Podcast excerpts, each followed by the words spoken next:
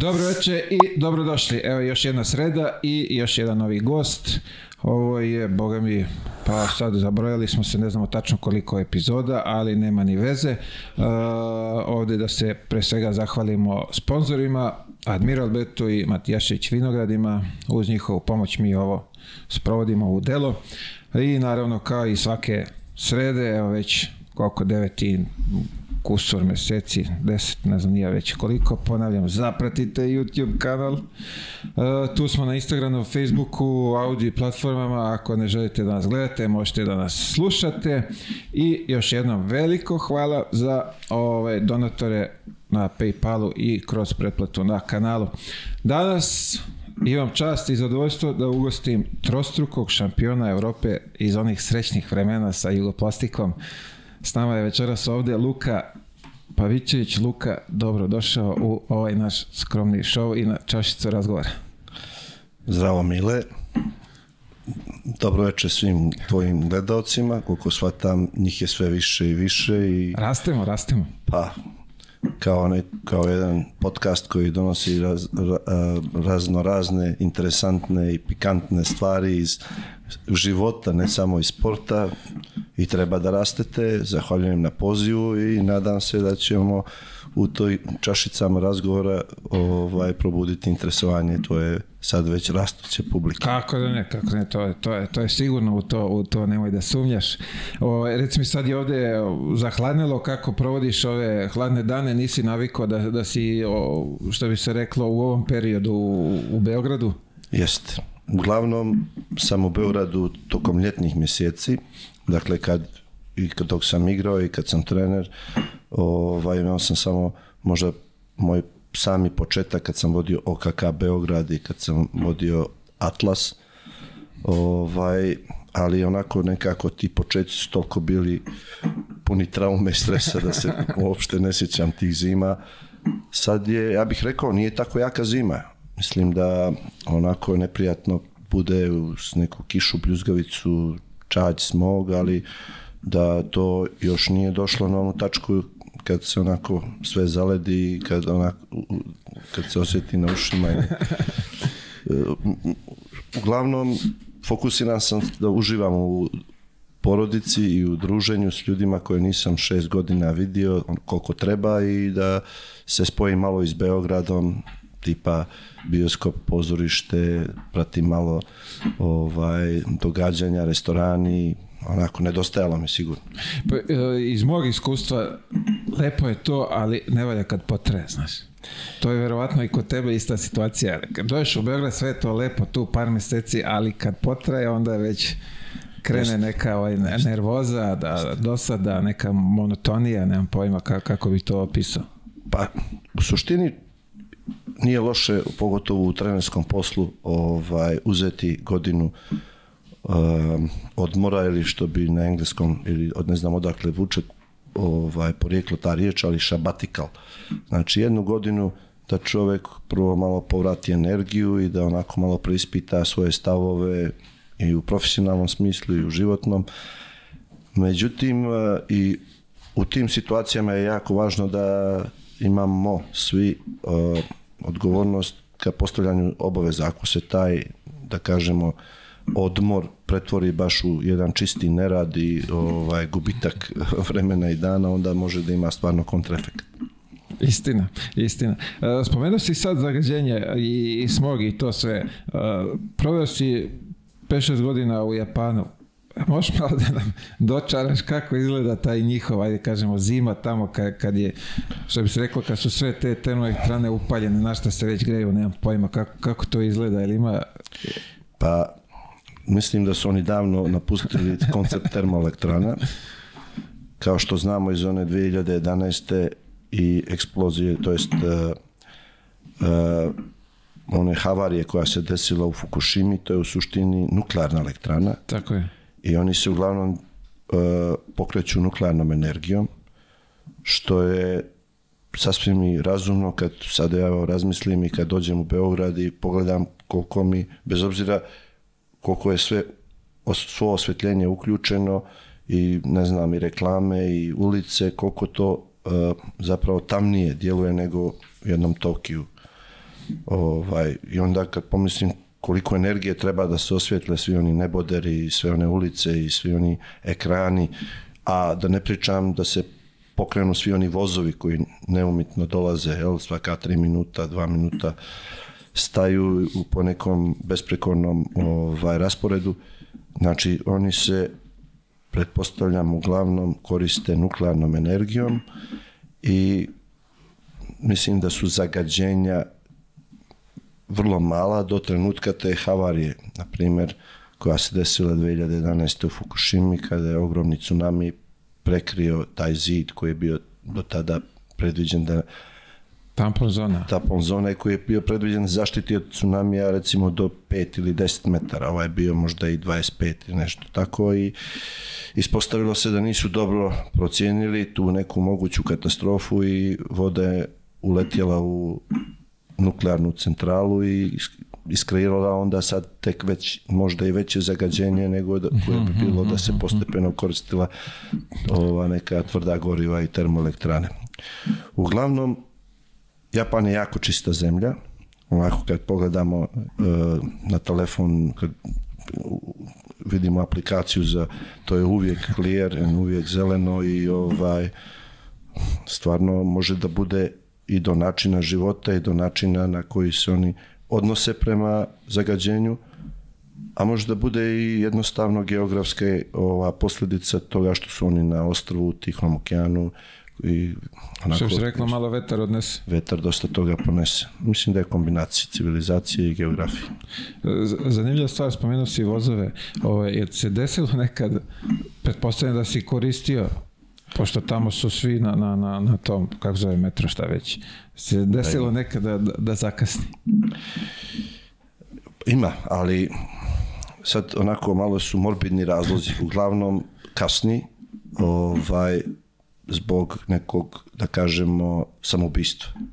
Znači, vrlo malo je ljudska greška i vrlo malo je vrlo malo je dođe do kašnjenja zato što je negde neko pogrešio. Sve je servisirano, sve ide perfektno, međutim, nažalost, uh, u Japanu ima dosta samobistava. Jedan od uh, popularnih načina da se izvrši samobistvo se čovjek baci pod voz.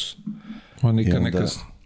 I onda on nikad ne kasni i uglavnom onako ja sam imao prilike da na toj nekoj liniji na kojoj sam ja živio, to je jedna ravna linija, neki Chuo line, i oni su nažalost zbog te pravine onako često ovaj cilj uh, samoubica koji dolaze da tu okončaju svoj život. Ja sam čak jednom bio u, u vozu sa sinom kada nisam vidio sam događaj, ali kad se to desilo.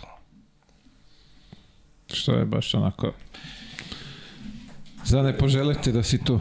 Pa jeste, a mislim sad ovaj vozovi oni imaju vozove koji su iznad zemlje, to pripada japanskoj železnici, JR, Japan Railroads, a imaju i subway, odnosno podzemnu železnicu. Tu ima sad nekoliko različitih uh, kompanija koje ovaj, mhm. prevoze ljude i svako je, to su jako bogate porodice koje su u pravo vrijeme kupili prava i onda po bojama kao da kažemo u većini ovaj, podzemnih železnica na svijetu ima ružičasta, crna, da, zelena, da, brown, tako da ovaj, uglavnom uh, za, za grad kao što je Tokio gdje živi u užem krugu, ovo što mi zovemo krug dvojke, jel, ovdje smo mi sad, to je jedno 15 miliona ljudi i unutar van tokom dana još 10 možda. Sve ukupno, ono, ako bismo računali, ajde tamo do Ceraka i do Borče, to je jedno 35 do 40 miliona ljudi, opština Tokio koja kad bi čovjek htio da, da vozi auto, onako ne bi baš bilo zgodno. I onda uh, korištenje podzemne železnice i te nadzemne japanske železnice je najbolje rešenje. Pa uh, Maki nam je ovde, Ma, Maki Mačan kad je bio, ovaj, rekao je da si mu savjetovao da pročita neku knjigu za, da, za bolje snalaženje tamo za što je on učinio i kaže da mu je baš to olakšala boravak tamo i spomenuo je kako tamo ljudi bukvalno u tom metrovu ima pravilo kako se sedi pod koliko stepeni, gde je ranac, telefon, šta već ne priča se, zaboravio se sad sve detalje, ali ovaj, kaže da mu je tvoja ova, ta, kako bi rekli, sugestija da, da pročita tu knjigu dosta pomogla. Mačvan san. Mačvan san. Kad se Fila tako pojavio, zvali. ja sam ga zvao, onda on uzvratio, onda on mene zvao Luka San, kao što su me zvali ovaj, svi drugi igrači. Mi smo se tako odpočinjali na Mačvan san. Hajo gozaimasu, dobro jutro, onda on meni i tako. Ovaj, sa, oko Makija je onako nekoliko st lijepih stvari se tu dešavalo. On je, prije svega, ja mislim da je on značajan igrač srpske košarke i evropske, pa već možemo da kažemo i svetske u sklopu toga što je radio sa našom reprezentacijom. I nažalost on je imao duplu povredu. Obnovio je znači dvogodišnju uzastopnu povredu ukrštenih ligamenata na istom koljenu. I onda u tom momentu onako karijera dođe e, u zastoj koji treba da se na najispravniji mogući način otkoči njegov menadžer u tom momentu je bio Zoran Savić, sada direktor Partizana, uh, generalni menadžer, ovaj, a moj onako sjajan prijatelj. I onda on mene pitao da li bi bilo u redu da možda napravimo kombinaciju i da Mačvan treba povratak u, u pravu ulogu, što teško može posle dve povrede da dobije u Evropi. Teško može neko da se odluči da mu da mesto prve četvorke. I ovaj, bilo je jako interesantno. Mislim, Japan onako djeluje kao stepenik niže i po nekoj, da kažemo, po nekoj hjerarhiji jeste, međutim ti stranci, oni su na najviše mogućem standardu igraju jedni protiv drugih i tu onako nema baš opuštanja. Sad, na primjer, mi tebe dovedemo Milet i igraš tu protiv ili NBA igrača ili draftovanog igrača ili evroligaškog igrača i ta, to takmičenje stranaca između jedne, jedne naspram drugih onako u velikoj meri obeležava tu ligu. Tako da ni meni baš nije sve jedno kao treneru, a dovodim igrača iz svoje zemlje, moram da proverim to. I onda je, sam u dogovoru sa Makijem dolazio na njegove treninge sa trenerom Matovićem, dolje u dinamiku, blizu, na Dorčelu, meni bilo blizu ovaj stana i došao sam nekoliko puta, gledao i uverio se da je fizički u redu. Sad njegova performans kakav će da bude ili ne, to će zavisiti od toga kako ga, na primjer, mi budemo trenirali i spremili i uglavnom ovaj, kroz neku seriju razgovora ja odlučim, pripremim, nije bilo lako i to povezati sa ovaj, mojim timom, on je trebao i da ode i na ljekarske preglede, mislim, moj, uh, Alvark je Toyotin klub i to je bilo sve organizovano na vrhunskom nivou, sačekali su ga i doktori i treneri, i fizioterapeuti, on je imao 3-4 dana pripreme, prođe i dođemo do toga da treba da ode. E sad, najvažniji detalj dolaska u Japan u stvari nije košarka, nego život i kultura i u tom smislu ja sam već imao iskustvo, jer sam godinu dana ranije želeći da dovedem našu, naš profil igrača do svog bivšeg igrača i saigrača Milka Bjelicu i onda sam na njegovom iskustvu shvatio da taj period prilagođavanja je bio malo predug i da sam možda trebao da i Milku pomogne. Mm -hmm. I onda naredne godine sam bio pametniji i kad je Milan Mačvan dolazio, ja sam mu preporučio ovaj, tu jednu knjigu našeg sugrađanina Ilje Musulina koji živi već 25 godina, doktor nauka u, na Stokijskog univerziteta, čovjek koji je doktorirao tipa na temu japanska srednjovekovna literatura i predaje na njihovim uh, na njihovim univerzitetima i ja mislim da je i zaposlen na RTS-u kao stalni saradnik i dopisnik koji je skup, sublimirao sva neka svoja iskustva Japana i stavio ih u dvije ili tri knjige, a ta jedna knjiga Fascinantni Japan je onako baš prava knjiga da upozna čoveka koji dolazi bilo turistički, a posebno da živi na neko određeno ili neodređeno vrijeme. Znači preporuka svima koji god krene za Japan Pa moraju da se raspitaju. To je sjajna destinacija za, kao, za turizam. Za- Znači, turistički gledano, ko ima mogućnosti, ko ima... Malo je ovaj, podaleko, košta karta, ali ovaj vredi, kako sam ko ima mogućnosti, vredi, da. to je onako, i to nije i to nije destinacija koja se obiđe za nekoliko dana, mislim da je sedam dana Malo. knap, već dvije nedelje, deset do dvije nedelje bi bilo dovoljno, ko može sebi da posveti ono malo više od toga pa da i obilazi, jer Japan je mnogo više samo od uh, Tokio, ovaj, Jasno, da. opštine i svega što je oko ima, ima mnogo toga. O, kako, se, kako se ti snašao u toj njihovoj košarci? Kako to je tebi izgledalo kad si otišao tamo? Mislim, oni su ono, mi ih ovde doživljamo kao sve pod konac, vojska. To je jedna kultura ovaj, koja, u kojoj se od malih nogu djeca uče redu, radu, disciplini, ali i etici i moralu. Moram priznati da kad sam se vratio, da sam shvatio da bi mi možda mogli malo da poradimo na tom nivou, jer kroz sve teškoće koje smo prolazili generacijski od uh, raspada Jugoslavije na ovamo, uh, jednostavno uh, ne posvećujemo dovoljno pažnju takvim nekim vrijednostima i onda dolazi do nekog uzročno-posledičnog lanca koji nas onako obara, bez toga bilo koja kultura ili, ili nacija može samo da, da ovaj da opada i da, degra, da se degradira. Tako da vidim onako neke, e, da kažemo, pozive na, na, na oprez, pozive na promjenu, pre svega od strana naših duhovnika, posebno u vrijeme ovih praznika, na primjer sad sam za vrijeme Svetog Save, onako imao prilike da pogledam vijesti i da čujem pozive naših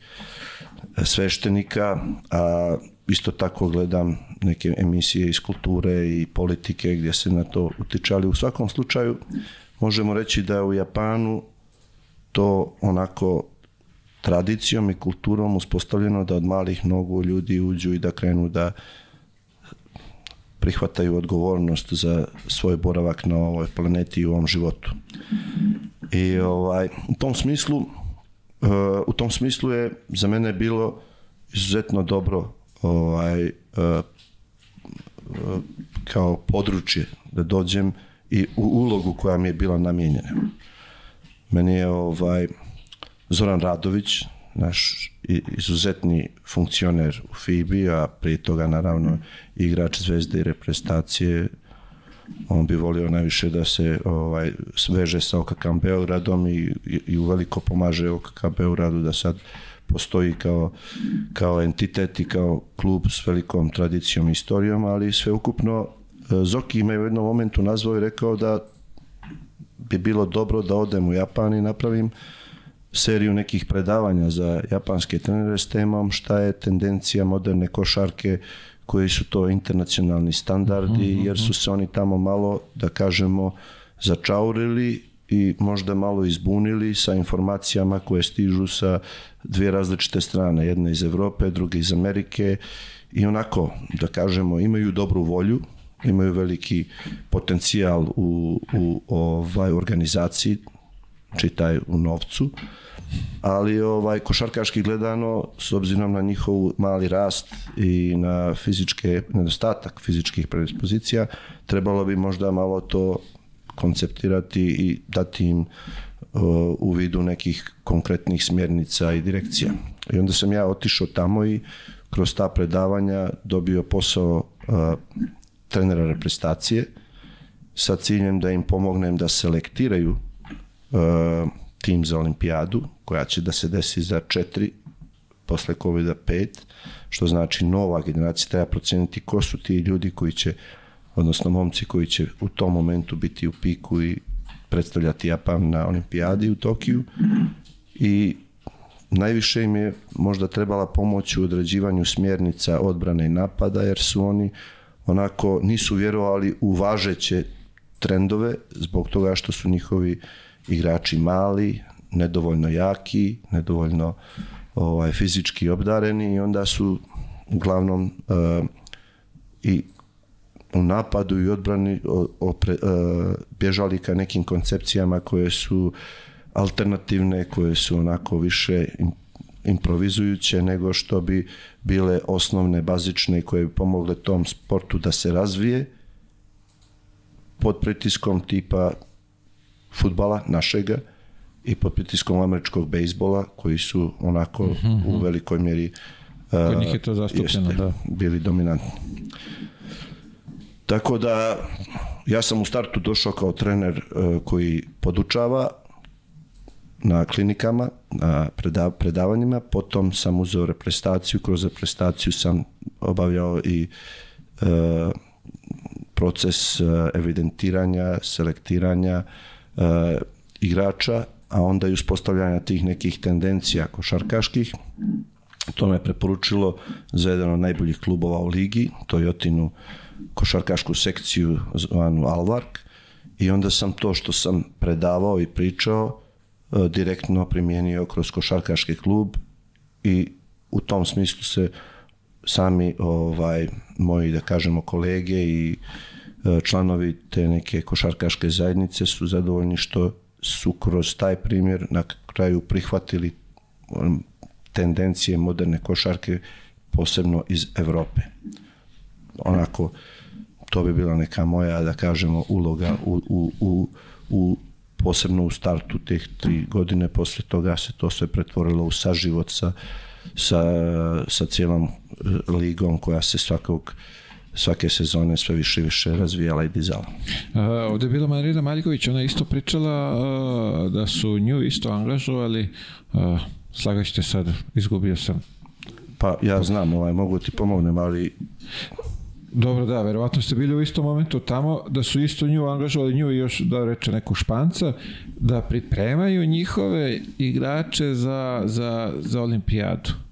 Da ih, ako sam dobro ukapirao, znači to je otprilike isti su koncept imali u muškoj i ženskoj selekciji da bi što bolje dočekali ovaj, olimpijske igre. Direktor prestacije ovaj, je moj blizak prijatelj, njegov ime je Tomoja Higashino, ono, postali smo prijatelji tako što sam ja bio trener i onda negde u toku moje treće godine je me pozvao i pitao da ovaj, preporučim ženskog trenera. Njihova ženska košarka je ovaj, na vrlo visokom nivou. Oni su bili srebrna medalja na olimpijadi i zadnjih pet azijskih prvenstava, uključujući sa Australijom koja se i Novim Zelandom koji su priključili, Japan je u ženskom takmičenju prvak Azije. Oni nemaju strance u svojoj ligi i sve, svi timovi su pripadaju kompanijama.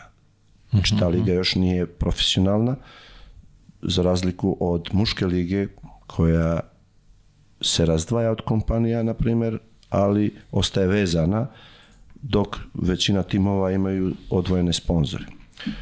I u tom nekom razgovoru ovaj, sa tim mojim direktorom ja sam imao prilike, pošto sam Marina je čerka mog velikog trenera Bože Maljkovića, a zajedno smo otprilike i počeli negde uh -huh, ja u Atlasu, Marina u Ušću i u nekom momentu mi smo održavali ovaj kontakt, Marina je bila mislim u tom momentu u Šangaju vodeći ženski tim uh, kod Yao Minga i imala je želju da da, da se oproba u, na japansko, na, u japanskoj ligi ovaj, može se reći da sam posredovao tom njenom dolasku. Ona je radila za tim koji pripada kompaniji Denso.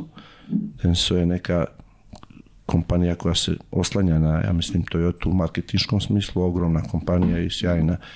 Ovaj, Marina je napravila sjajan posao tamo o, sa mladim igračicama koje je, da kažemo, o, pripremila i postavila neke nove standarde u ženskom o, o, treningu i u ženskom razvoju, a imala je priliku da se, na primjer, takmiči protiv trenera reprezentacije Španije, koji je, tako da, na primjer, bilo je finale Evropskog prvenstva Marina protiv njega ovdje u Beogradu, Srbija, Španija, onda bi se tamo sastali dali u, u ovaj Finale šampionata.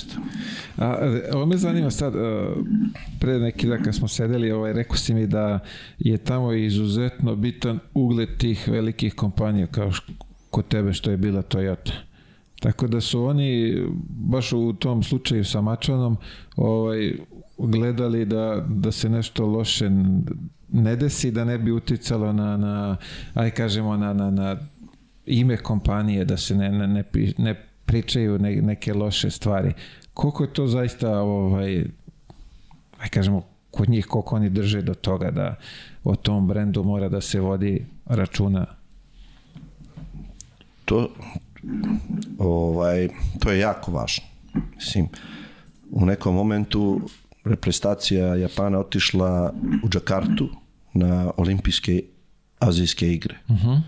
I pošto to nije bio da kažemo prioritet japanskoj reprezentaciji, tad je trener bio uh, Argentinac, uh, trener argentinske reprezentacije, Julio Llamas, i on je spremao se za kvalifikacije za olimpijadu.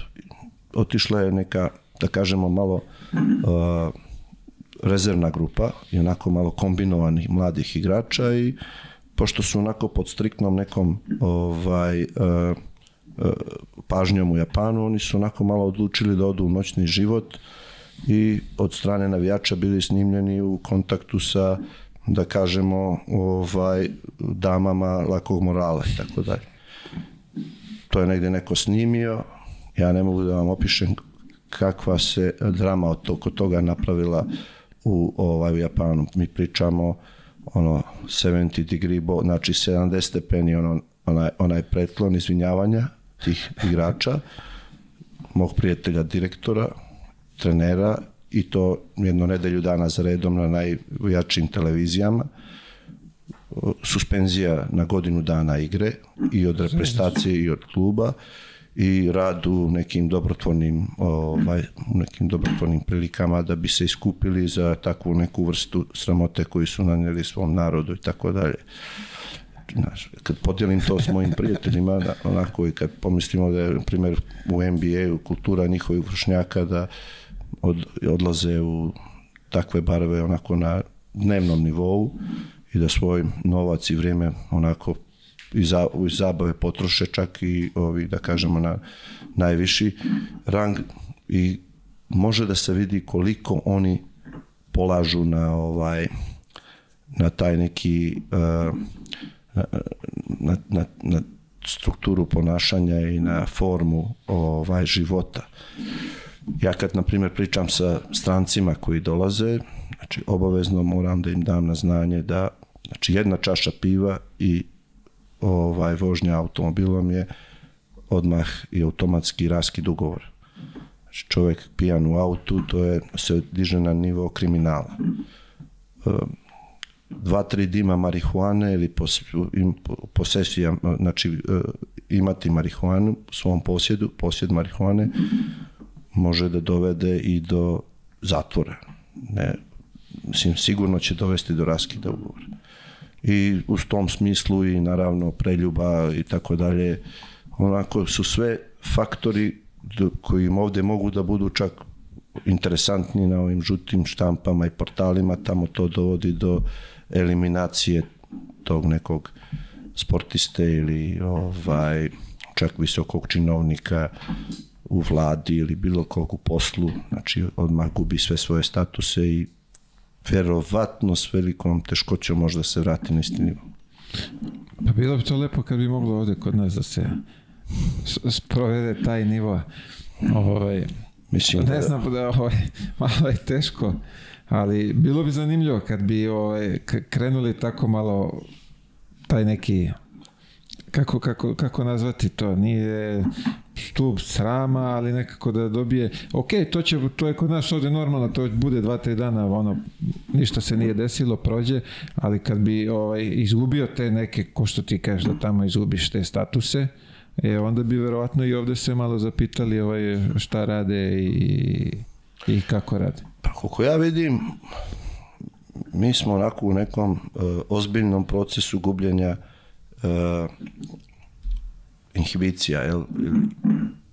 u smislu da ovaj, šta je moralno, šta je etički, više nije svima važno, prepušteni smo na sami sebi na individualnoj procjeni. Mislim da ovaj, vidim da ima i neko vršnjačko naselje koje ja ne mogu da povežem, mislim, sa, da kažemo, srpskom kulturom i srpskom, srpskim vaspitanjem. Znači, to bi neko stvarno trebao da digne na nivo ovaj, neke civilizacije koja ovdje postoji. Mislim da uh, mi generalno kao narod ovaj, smo i pod vjerom i pod vaspitanjem tolerantni. Mislim, odvojeno od uh, nekih sukoba i ratova gdje smo se to istorijom pojavljivali kao hrabri i, uh, i nesalomivi, ali u stvarnom svijetu i životu bi trebalo da ima onako mnogo više empatije i mnogo više solidarnosti i onako podrške koju bi trebali jedni drugim da pružamo. A čini mi se, s obzirom evo za ovo malo nepunu godinu dana, a pratim neke, neke vijesti tamo i, i u Japanu, dakle, nasilje nad ženama, vršnjačko nasilje, ovaj, da li šta još može tu da bude onako čini mi se da nam malo, malo bježi ovaj uh, stvarni kvalitet života koji bi mi trebali da imamo. Ne ovaj materijalni, nego onaj, da ga nazovemo duhovni, moralni. Pa vidi, s obzirom šta nam ovaj šta nam puštaju na televiziji, dobro smo normalni uopšte sad u, u ovim momentima. Kakav sve program imamo i, i šta gledaju i, i stari i mladi, još smo i dobri. Pa, nažalost.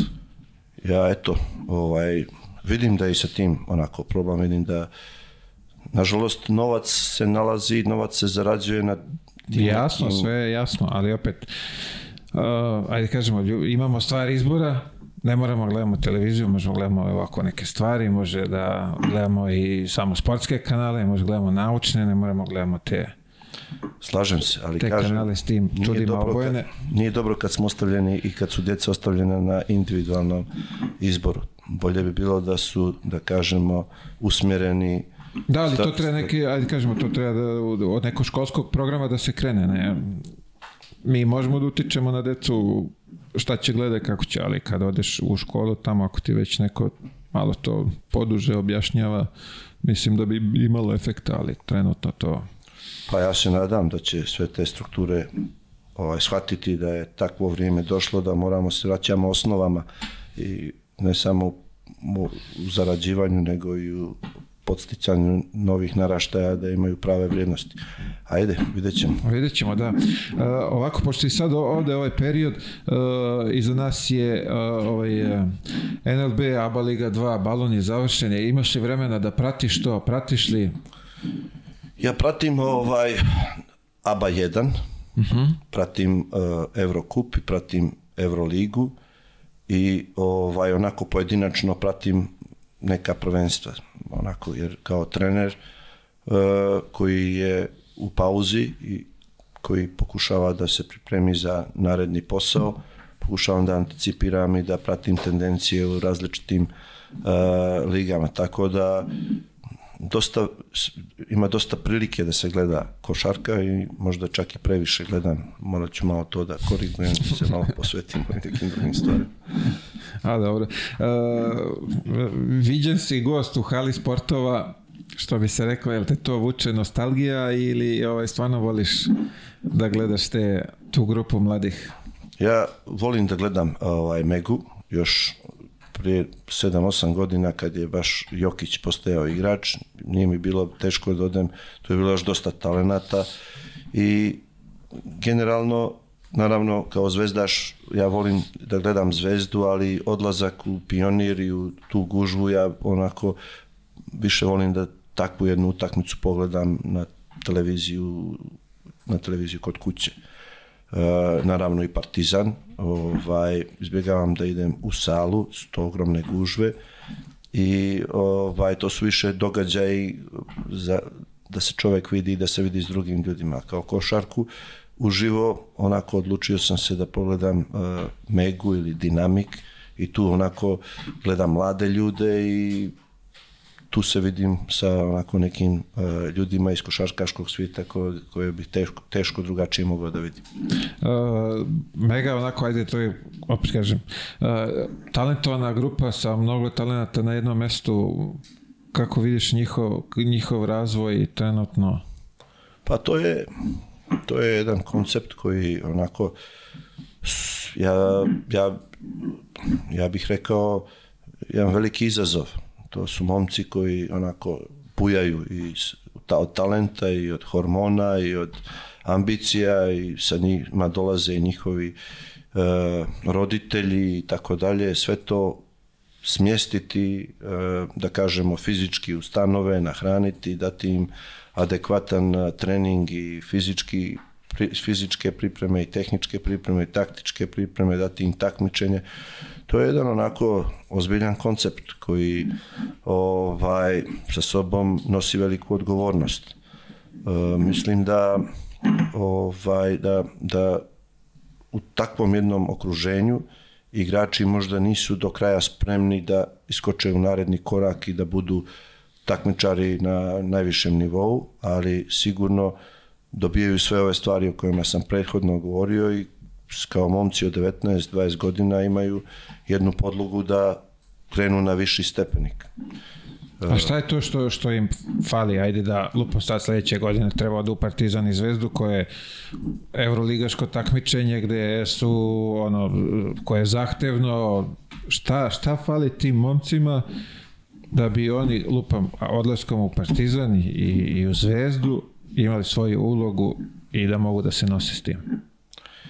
Pa ja bih rekao, oni, oni žive i rade u jednom, uh, da kažemo, u jednoj generaciji.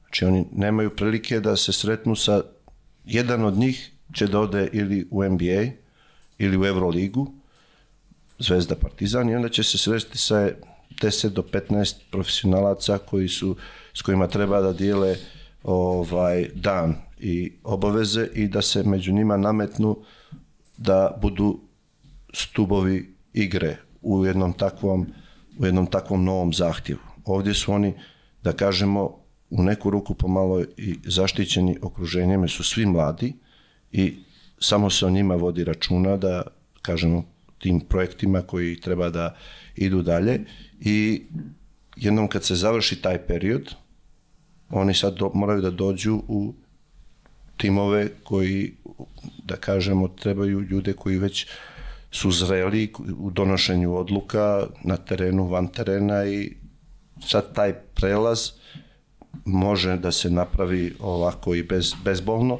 a nekolicini može da bude da potrebno jedna godina, dvije godine, dok e, to što imaju u klubu kao što je Mega ne, ne sami ne zarade u klubu kao što su Partizan, Zvijezda ili ovaj neki drugi Euroligaš ili NBA ligaš. Uh, slažem se s tobom, možda bude bezbolno, možda bude bolno, ali neki mogu i da se izgube tu poprilično i, i da ono da ih da se izgube maltene za uvek. Pa dobro, to je ja mislim Mile ti ovaj si bio dio jednog sličnog programa. Tako je. FMP u godinama, pošto sam ja igrao tamo, je postao vrlo sličan koncept. Oslanjao se uglavnom na mlade igrače, kakav si bio ti i tvoji e, prethodnici i ovaj savremenici i vi ste svi vrlo brzo shvatili da ovaj onako jednu jednu surovost našeg profesionalnog posla. Ja sad govorim o sebi kao bivšem igraču. Znači, svima nama ne, niko nema garancije. Mi svi moramo da uđemo u, ovaj, u proces, pričamo rada, igre, performansa, mi moramo da isporučimo i zavisnosti od toga šta mi isporučujemo, bit ćemo procjenjivani. I onda ćemo uspjeti da se snađemo ili ne. Tako da, mislim, to što se dešava, što smo sad pričali, dešava se u svim u svim sistemima a, mladih igrača. Ja samo mislim da, na primjer, Mega je kao koncept isključivo posvećena samo mladima. za razliku od drugih timova koji ovaj, istovremeno moraju da brinu i o takmičarskom dijelu, svom seniorskom onaj programu i zbog toga možda uh, je u ovom momentu Mega kod mladih igrača i daleko atraktivniji atraktivnija destinacija odakle bi oni voljeli da se da krenu u taj završni projekat, projekat svog postanka kao profesionalca. Jasno. A ovo te pitam iz razloga zašto je uh, sad skoro pre koliko već dana ovaj trener uh, Tamiša žalio se na svog saigrača koji uh, aj kažemo neće posluša ni saigrača, ni, ni trenera, neće da izvrši to. Što kažem, te sad uh, mlađe generacije, koji oni problem imaju, ti znaš kako je bilo u tvoje vreme, ja znam kako je bilo u moje vreme, kad ti stari igrač nešto kaže, ti ne pitaš da li je to dobro ili nije, ti ideš, radiš kako ti je rečeno. Sad su se susreli s ovim da se čovjek žali na konferenciji kako taj momak, ne znam o kome se tačno radi imenom i prezimenom, ovaj, ne pokazuje želju zalaganja na, na toj utakmici i taj stari kolega nešto mu je zahtevo od njega šta god da uradi, ono je bilo kao ajde oladi. Ispratio sam. Moj mlađi sin Matija je onako moj uh, najbolji da kažemo saradnik, stalno me snabdjeva ovaj informacijama i ovaj čuo sam to šta je rekao kolega iz Tamiša, ispratio sam i mislim da on se nije samo kroz taj primjer žalio na sebe i na svoju ekipu, nego je on, ja mislim, čak i rekao kuda ide srpska košarka. Tako je. I mislim da ovaj, je to jedno onako legitimno pitanje. Svaka čast kolegi što je podigao, ovaj, da kažemo, to na neki nivo, jer to nije popularno. Mislim, iskreno, Mile, evo... Nepopularno mišljenje pa nije popularno da se tu stavljaju neki zahtjevi koji nisu prijatni, je li tako? Mislim, ovaj, ja sad ne znam da li izlazimo iz okvira tvog uobičajenog e, načina priče, ali prije neki dan sam pročitao neku tužnu vijest o, o ovaj, smrti nekog uvaženog profesora matematike u, u, u Beogradu. Tako je, jesam, Mislim da, da mu je nadimak bio i oca ubica, malo možda surov nadimak, ali toliko je bio strog da je tražio onako dosta veliku posvećenost i egzekuciju kod svojih učenika da bi postigli dobre ocjene. I onako malo po društvenim mrežama, koliko ja to uspijevam da ispratim, shvatio sam da, da je postojala jaka inicijativa roditelja, da su ta djeca previše upregnuta, da li su pod prevelikim pritiskom i u stvari taj profesor je bio smijenjen što je na kraju rezultiralo nekim stresom koji je možda jeste, možda nije ovaj, uticao na to da dotični profesor gubitkom svog životnog nekog uh, ostvarenja došao do tačke da je, da je i preminuo. Sad pričamo o starom kovu igrača, ali možemo da pričamo i o starom kovu trenera. Mi smo ovaj, svi bili u nekoj uh, u nekom sistemu jugoslovenske košarke gdje su svi treneri bili jako ozbiljni i koji su onako od nas kao mladih igrača od Makedonije, Crne Gore do Slovenije tražili u samom startu određenu vrstu vaspitanja prije svega pa onda i obuke u samoj košarci. I to nije lako. Znači da bi čovjek postao, ne znam, vrhunski sportista, on mora se odreće uh, mnogo toga. Između ostalog e, mora i da uvažava ovaj zahtjeve koje se, koji se pred njega postavljaju. Ono što bi, što bi taj trener Tamiša rekao, mislim, o čemu mi možemo da pričamo ako igrač ili dječak odbija da izvrši najobičniji zadatak sprinta unazad posle izgubljene svoje lopte, a to treba da bude na izgubljenu loptu svog kolege. Tako je i ovaj ili da uvaži starijeg starijeg saigrača. Da malo iskombinujemo s Japanom to je kohai senpai odnos u smislu starijeg starijeg od sebe u istoj školi, u univerzitetu, to je, vjeruj mi, to je do, do kraja života jednom kohaj, uvijek kohaj, kad sretneš sa starijim koji je diplomirao poslije tebe na tom univerzitetu, to je uvijek duboki naklon i uvažavanje, pa čak i da si po nekom plati i statusu ispred njega. Tako da sve tu po mom mišljenju ovaj se preklapa. I ono kako smo kako si poveo emisiju kako pričamo dolazimo do te tačke da da ovaj mislim da, da, da nije lako razvijati sada vrhunske igrače u ovaj ne samo u Srbiji nego u regionu. Oni imaju određena očekivanja, imaju uh, pristup određenim informacijama kako ljudi rade širom svijeta i oni i njihovi roditelji ovaj nisam siguran da smo svi u istom pravcu na to kako kako bi to trebalo da dođe do završnog produkta. Um, ajde, sla, slažem se s tobom malo, ali opet kažem, uh, imali smo i mi problematične, ni, nismo ni bili cvećki da se ne lažemo, ni, bilo i kod nas koji su odbijali poslušnost, ali to se znalo kako se sankcioniše. Ti danas ne možeš ni, evo vidiš, ti momci u školi su zahtevali da se profesor smeni, roditelji koje već, čovjeka su smenili zato što im nije odgovarao njegov način rada, čovjek stres da bi žive, da ne ulazimo sad, ne znam, razloge, možda je bio zdravstveno ovaj, ranjiv. Tako je da i došlo je do toga da je čovjek preminuo.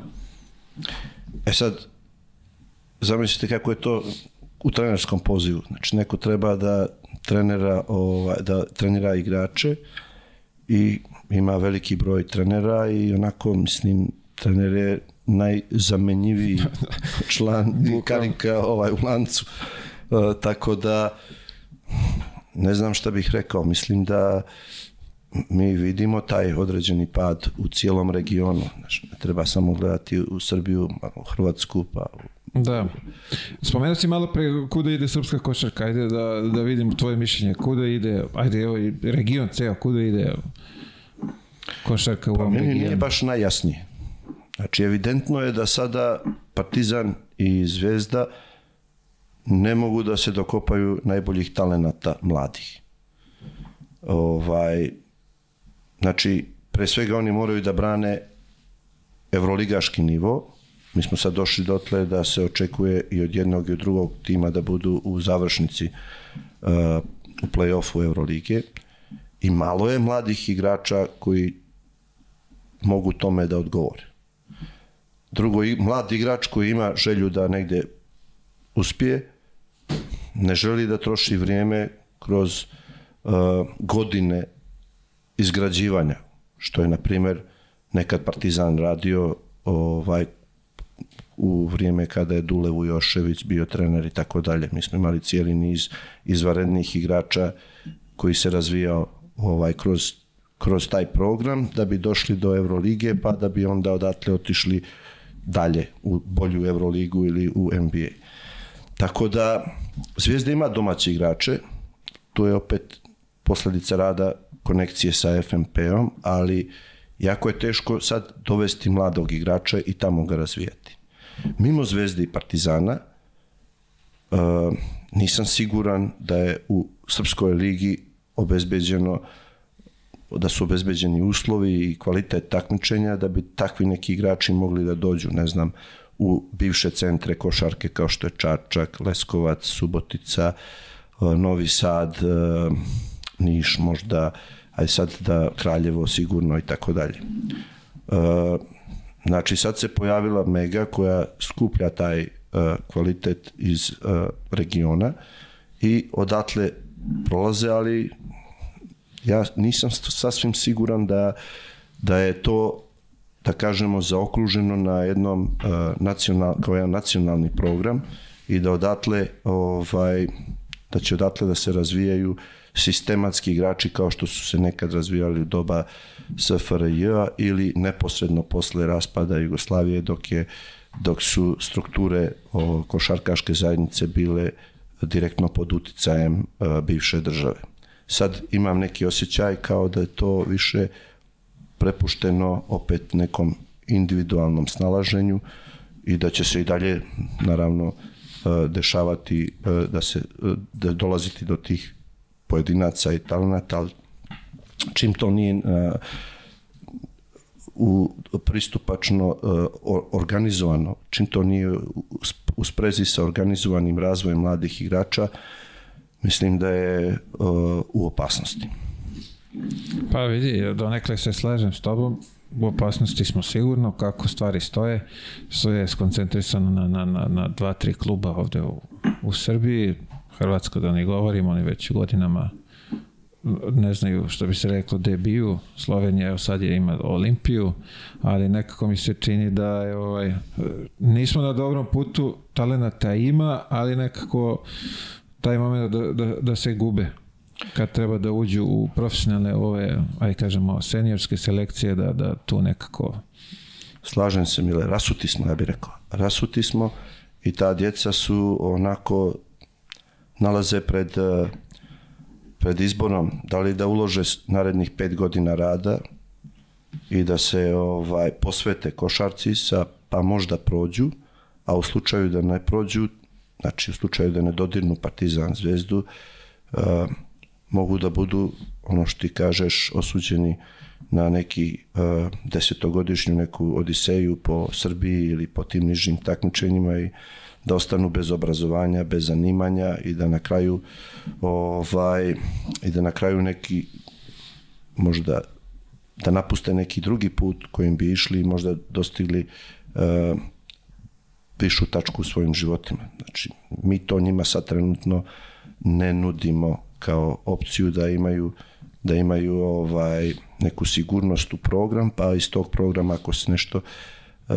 desi da mogu da se preorijentišu na nešto pa možda ne tako jedno, jednako ovaj uspešno, ali dovoljno da mogu da žive produktivne i dostojanstvene živote.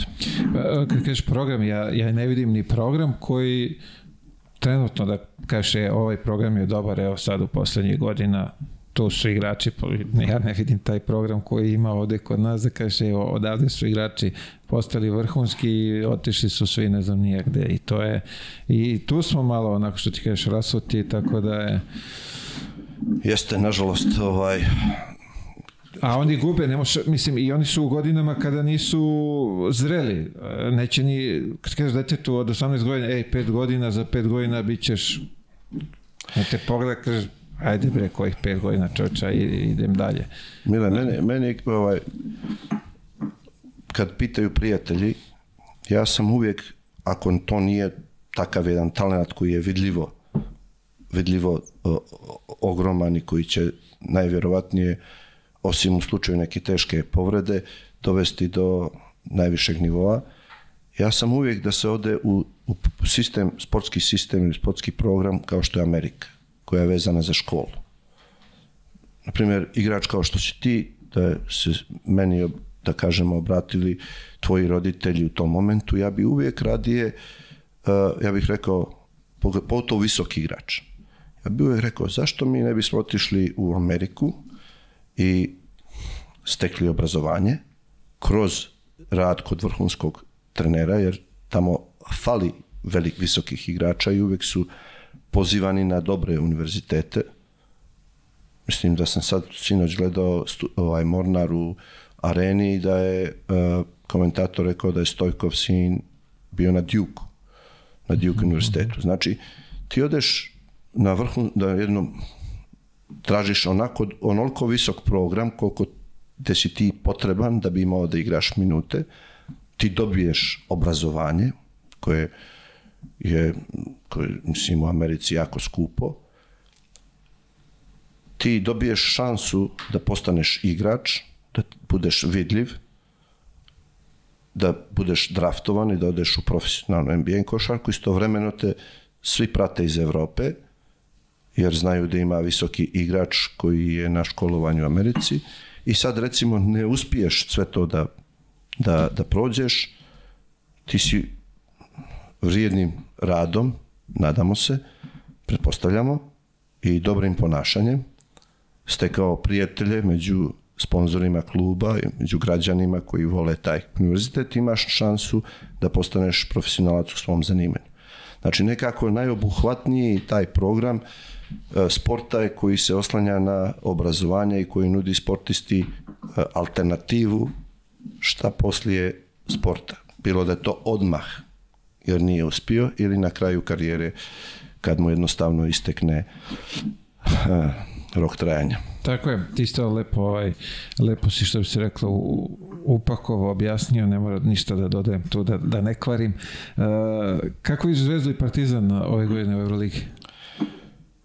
Ja sam ovaj, kao i svi o, o, oduševljen što imamo mislim ja sam zvezdaš, ali veliki broj mojih najboljih prijatelja su partizanovci, onako da kažem ja se uvijek trudim da to držim na nivou sporta i da ne dolazim do one neke podjele uh, na mi, oni i tako dalje. Mislim Naravno, da je to naravno, isto to- malo, malo je postalo ono što bi se reklo ovaj, zastrašujuće ta podjela. Ja ovaj, Mislim, oduševljen sam što u gradu imamo takve klubove, takve igrače, takve trenere, takve organizacije. Mislim, dolaze Reali, Barcelone, ne znam, Milan i sve najjače moguće evropske ekipe i to je onako uz nevidje, nevjerovatnu atmosferu i nevjerovatan kvalitet košarke tuča za ovaj za play-off. Um, mislim da se igra izvanredna košarka i jednostavno ja sa svim ostalim uh, sugrađanima i u krajnjoj liniji sa cijelim regionom uh, uživam u, u, u praćenju ta dva kluba. Naravno, kao i svi. A, reci mi, imali šanse za, za top 8, jedni i drugi? Mislim, pošto su sad na, na koliko je već u kola odigrano, nemam pojma, ali... Pa prešlo je pola, ja mislim da. ima još, da kažemo, jedno desetak kola. Ja, koliko sam shvatio, nema garancije. Mislim da i Zvijezda i Partizan uh, kasne za jedno dvije pobjede, tri iz onog nekog ranog starta, ali da su po nivou igre, po standardu i kvalitetu uh, igre koji pružaju, da su da su se podigli na taj nivo da mogu da uhvate plasman u osam. Neće zavisiti samo od njih, Tako je, jer nasuprot njih postoje i protivnici koji isto imaju određeni kvalitet. I sad će, ja mislim, biti onako izuzetno značajno ko je, će- ko je u kakvom stanju sa povredama, sa problemima koji su ne samo u igri, nego i okolo, okolo i van terena i tako dalje. Ali mislim da, da su se stekli zreli uslovi da jedan ili oba tima mogu da napadnu onako uh, s najavom. Sa najavom. Jasno. Ajde, želimo im sreću da, da, da uspeju u tome, tu smo da podržimo, bodrimo, pričamo o tome. Uh, vidi ovako, odmah kod mene obično se vratimo mi na početak, znaš. Pa ćemo sad se vratimo, što bi se reklo, u tvoje detinstvo, da nam ispričaš ti kako je to bilo odrastanje tvoje i kako si zavoleo basket. Malo- ovaj, ne malo znam, po- ovaj- sad, ja, Što bi se reklo, To je- podelje se vraćamo, ali Pa ja se ovako iskreno, ne znam koje je godište prati ovaj tvoj uh, podcast, ali 54 godine, znači tačno je 40 godina kako sam ja ušao u prvi tim budućnosti. Ja sam u tom momentu uh, bio najmlađi igrač ne samo budućnosti, nego i cijele lige. I onako dosta neobičajno, ja mislim, i za današnje prilike. Suština je u tome da u to vrijeme Podgorica, tada se zvao Titograd, nije bio košarkaški grad. Mi smo bili futbalski grad i bokserski grad. Tu se polako razvijao ženski rukomet i uvijek su bile i druge borilačke vještine, karate i, i judo. Ovaj, muški rukomet, ono što bi rekli so-so, atletiku nismo imali ni atletski stadion, što bi rekli greote, stvarno greote. Ovaj, tako da košarka je bila onako potpuno potisnuta. Nije bilo dvorane, gde su budućnosti igrali? u Danilovgradu. Wow. Znači, Danilograd je dobio dvoranu zbog uh, ženskog rukometa. Moj pokojni stric je bio ovaj, trener i pokojna strina, čuš pokojna daleko bilo. ovaj, moja strina je bila jedna od najboljih igračica na svijetu, Zorica Pavićević. Inače, zlatna medalja sa ovaj, iz Los Angelesa. Ali, ovaj, Ženi Los Angeles 84. Jeste. Bravo. Bio sam, rodio se tada, ali čuo sam za to. Da. to je bila ženska ekipa sa čuvenom Cecom Kitić, a Da. Iz same te sam Crne Gore su prilike da sestra da. Muguša, da. To, su, to je ozbiljna bila generacija našeg e, ženskog rukometa. E sad, budućnost je igrala van Podgorice, to je Titograd. Ja nik, mi smo ni zna- no, onako, nismo ih imali, nije bilo televizije, nije bilo ako koliko pročitaš u pobjedi, onako izvještaj su takmice, koliko je ko dao koševa i kakav je rezultat bio u drugoj ligi. E sad, u tom momentu se diže sportski centar, pričamo 80-a, ja imam 12 Ovo godina. pričaš o Morači. Morači. Eto, sad ponovo povežemo malo s Japanom. E, Moraču je projektovao Miško Dmitrović, moj komšija, znači u istoj zgradi, istom ulazu, ja sam igrao s njegovim sinom i s njegovim uh, čerkom, dobri prijatelji. Miško Dmitrović je posegnuo za idejom u Tokiju. U Tokiju je 60, ja mislim, četvrte ili šeste bila olimpijada i napravljen je Jojogi centar sportski koji je sad bio i reprojektovan i rekonstruisan za potrebe ove nove Ove olimpijade olimpijade, u? Tokiju. I sportski centar Morača je nastao pod idejom i o, pod inspiracijom Jojogija, onako specifičnim svodom koji je kriv, ima dvije dvorane, veliku i malu i nad Moračom se nadvio i onako bio je jedno sjajno arhitektonsko ovaj, ostvarenje toga doba. S obzirom da je budućnost ušla u ligu, dvorana je bila da podrži budućnost, rukometni tim, ali i da dovede sve moguće e, da kažemo umjetnike bivše Jugoslavije. Rock and roll, pop, pa i narodna muzika. Meni se dešava, treniram u maloj sali, a da Lepa Brena drži 8000 ljudi. Jeste, ja otvorim ovako i vidim od pozadi Brena i 8000 ljudi i neki najveći mangup grada, pokojni Lazo Delević s jednom stolicom ispred nje i ispred 8000 ljudi je gleda. Neverovatne su to slike. Ovaj, u mojoj glavi to je pričamo 14 godina. Ja sam počeo košarku tako što sam vidio da ljudi igraju basket u Njegoševom parku. Pogledam, ne znam, nije mi poznat sport, ne znam pravila, znam da subotom prenose utakmicu, znam da imamo jako dobru reprezentaciju koja se muči sa Sovjetskim savezom, ali onako. I onda jedno, to je bila pred olimpijadu u, u Moskvi, o, pogledam tu jednu, taj, tu jednu emisiju o Draganu Kićanoviću, zvala se Maestro, to je za mene onako nekih 15 minuta dokumentarnog gledajući majstora, jednostavno sam poželio da probam da, da vladam loptom tako kako je on vladao. Film je bio u crnoj bili tehnici i ovaj, motivisao me da odem u taj park i da postanem basketaš. Sad ne mogu da vjerujem da imamo ovaj, tri puta tri reprezentaciju, da smo prvaci svijeta i da je meni neki rekao da će basket do, doći do te... Olimpijskog Ali ja sam bio onaj ortodoksni ulični basketaš koji je tu u ovaj koga su već počeli ljudi da prepoznaju kao onoga klinca iz parka. Znači ja sam počeo da igram uh, u Njegoševom parku s 3 na 3 treneri, to su ljudi čuli da ima neki klinac koji dobija starije ljude, došli su, pogledali i pozvali me na neko juniorsko prvenstvo od 19 godina, ja imam 14. Tek tako, bez ono kao neke mlađe kategorije i to. Mlađe kategorije nisu bile. Nije bilo dvorana. I onako, bilo je vrlo problematično, nije bilo sredstava.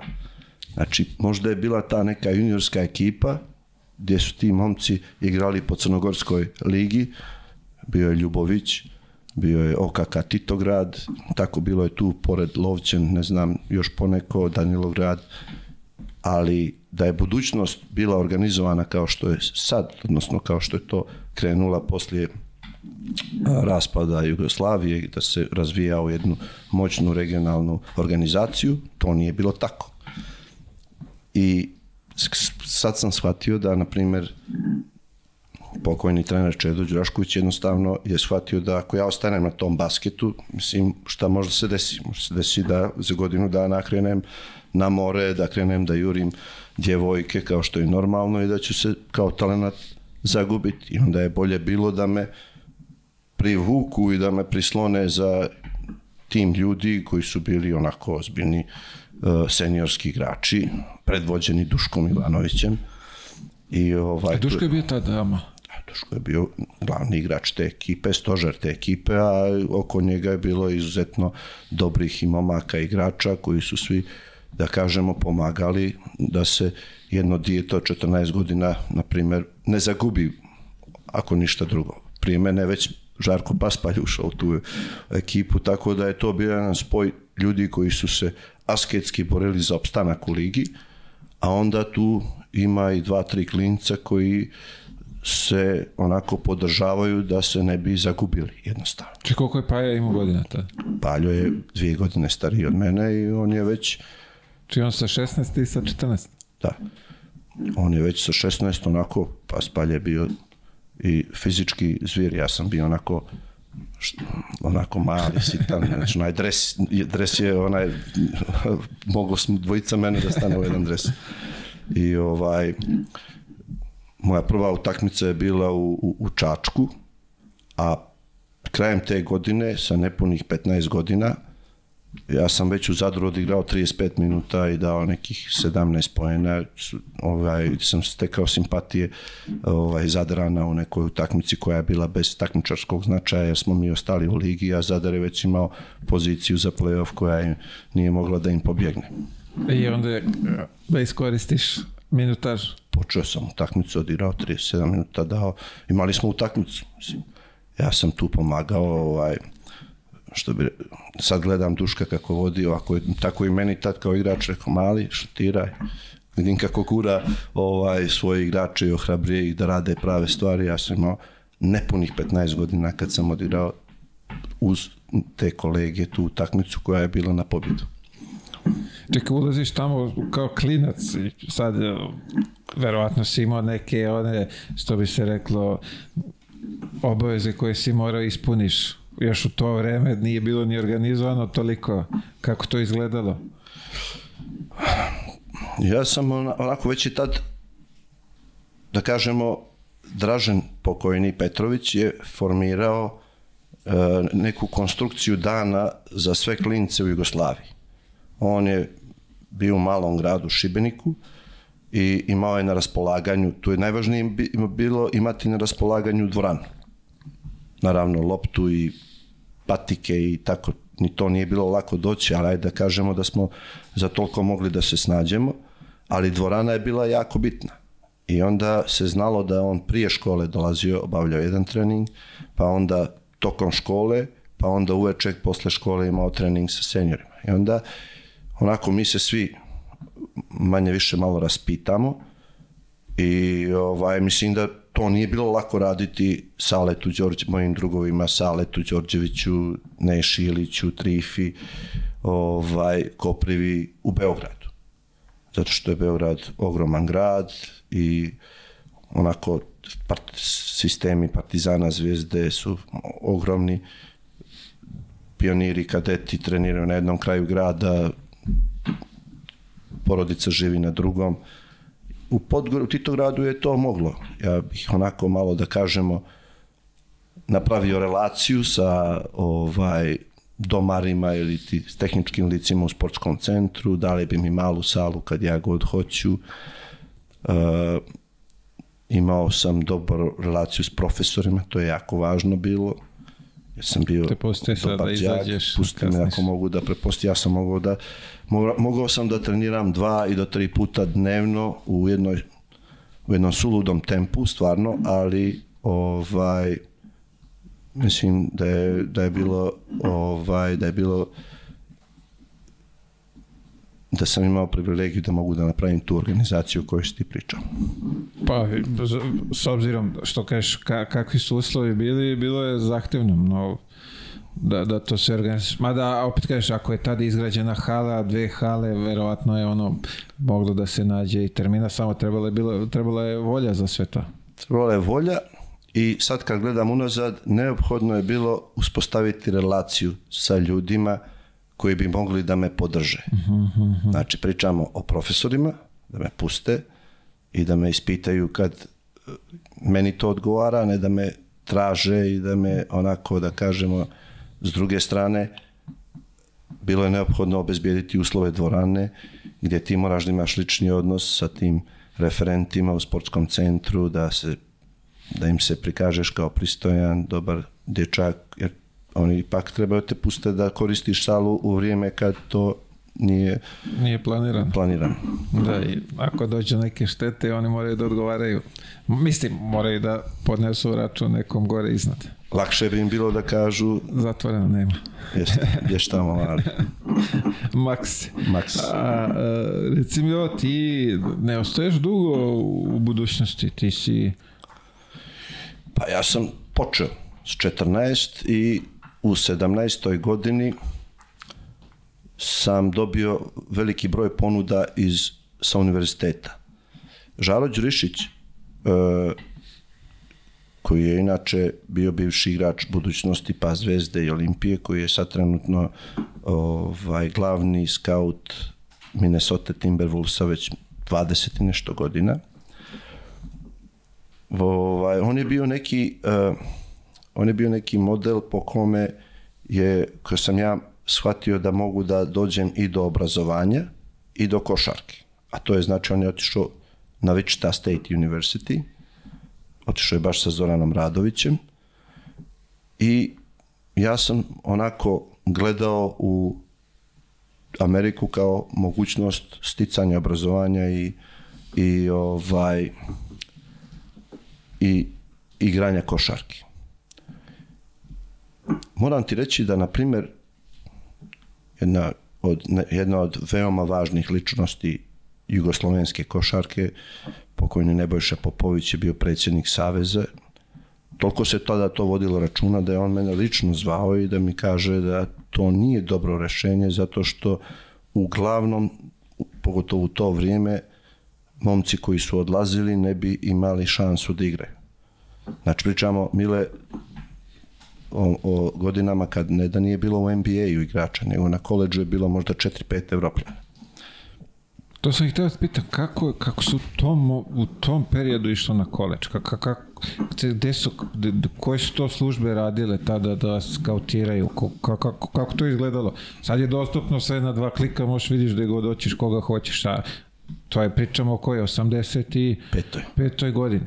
Koje, kako su tad vršili tu selekciju? Nije bilo klikova i nije bilo ovih, da kažemo, agencija koje su se bavile time profesionalno. Tako je da, ima i to sad, bravo.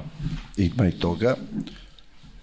Jednostavno, uh, određeni koleđi, a vrlo brzo i NBA, poslije toga i NBA timovi od, po, su shvatili da će morati da se okrenu internacionalnom talentu. I bilo je jednostavno, univerziteti su slali svoje asistente ili su čak i glavni treneri dolazili na, na internacionalna takmičenja. Na jednom od tih takmičenja, to je taj čuveni Mannheim, te 1975. Mi smo igrali nevjerovatan turnir pod uh, trenerom Rusmirom Halilovićem. To su prvi početci, na primjer, Dikija, Vlade Divca, tu su bili Toni, tu je bio Dino, tu je bila ova, cijela ova garnitura koja će kasnije da postane prvaci, prvak svijeta u Bormiju. I na, to je neko nezvanično prvenstvo svijeta, to je kadetski turnir za momke do 17 godina i tu dolaze tu, tu dolaze, tad nije bilo u 17 prvenstvo svijeta. Bilo je samo možda na evropskom nivou. A prvenstvo svijeta se igralo samo za 20 godina. A ovo je bio turnir na svetskom nivou. I on je bio jako posjećen. Igralo se između ostalog u američkoj bazi u Mannheimu i Glenn Rice je bio ovaj, BJ Armstrong, na primjer, Richie Morgan. Bilo je, ja mislim, jedno pet Su oni doveli svoju NBA selekciju? Da, pet budućih NBA zvijezda, tu je uvijek tu je uvijek dolazila Amerika sa jakom srednjoškolskom reprezentacijom. I onda ovaj moj trener što mi je kasnije rekao, to je bio coach Len Archibald, znači oni su to vidjeli da ima, ja sam bio MVP tog turnira, Nešelić bio najbolji strelac, na primjer, mi smo pobjedili Ameriku, doduše ne u finalu, u finalu smo izgubili od iste Amerike, ali smo jednom u pretakmičenju, to jest u, u grupnoj, Grupnoj fazi, fazi. uspjeli da ih dobijemo. I to je za njih bilo onako jedan ozbiljan znak i ovaj, sad smo, nas je trojica, četvorica tu dobilo ponude, ali, na primjer, Dino i Diki nisu, nisu baš odluč, htjeli da se odluče. Kasnije sam saznao i da Sale Đorđević imao ponudu, ali je to onako bilo ipak dosta, da kažemo, jak korak da se napravi. Ja sam imao tu želju da ipak probam da kombinujem obrazovanje sa košarkom. I otišao sam sa 17 godina. Ti si jedini iz te generacije otišao na koleđ. Poslije mene par godina otišao je Teoman Alibegović. Aha, aha. Ali te, te, te godine kad ste bili, A samo te si ti... godine, da. Te godine, malo prerano. Naprimjer, Ališa je otišao poslije Bormija, direktno kod Larry Browna i Gary Paytona. Wow. Da. Ovaj, onako, da kažemo, napravio Oregon State. To je ozbiljna, da kažemo, ozbiljan program bio. A Radenko Dobraš je posle Bormija otišao na South Florida. Znači, University u Južnoj Floridi, koji nije bio tako velik univerzitet, ali ga je Radenko uveo, na primjer, u playoff. A ja sam otišao malčice prerano. Primjer, nisam sačekao da ja sazrim u 19-godišnjak i da odem kao freshman, nego sam htio odmah kao MVP. Ukazala se prilika da Kazala da se prilika, došao sam tamo, ali nisam shvatio da ću tamo da sretnem već onako zrele seniore na svojoj poziciji i u pogrešno vrijeme sam došao, možda i na pravo mjesto, ali bez dovoljno šansi da igram i u kasnijim nekim situacijama sam ja korišten kao primjer zbog čega ne bi trebalo ići u Ameriku. Evo viš Luka kakav je bio, a onda kad je otišao tamo nije igrao. I onda su ljudi ostajali. Ponavljam, ja nisam to dobro sebi pripremio i procijenio. Otišao sam na mjesto godinu ili dvije ranije nego što je trebalo. A trener nije htio da me obavijesti da me ne bi izgubio. A ček, ti tad u tom momentu nisi imao, ne možeš da se informišeš o tome, ali tako? Ka, ka, kako si ti uopšte, kad ti je neko spomenuo Juto, jesi ti znao čemu se radi, gde, gde ideš, koja je to država? Treba naglasiti da je to isto mormonska država, da je to malo... Bilo je nevjerojatno, znaš da sam dobio poziv od policije. Znači MUP Crne Gore, kad sam ja već popunio i dobio vizu, poziva me na razgovor, SFRJ je vodio računa da mi objasni da ja idem u mormonsku državu i da oni znaju da budu agresivni u regrutovanju vjernika i da mi kažu kao pripazi se, Krešimir Ćosić je postao mormon, na Brigham Youngu i prije njega Miša Ostarčević i tako dalje. S te strane ja sam sve, na, da kažemo, napravio pripremu da znam i gdje idem i kod koga idem i šta idem, ali osnovna stvar nisam shvatao sistem na kome funkcioniše e, kreiranje tima.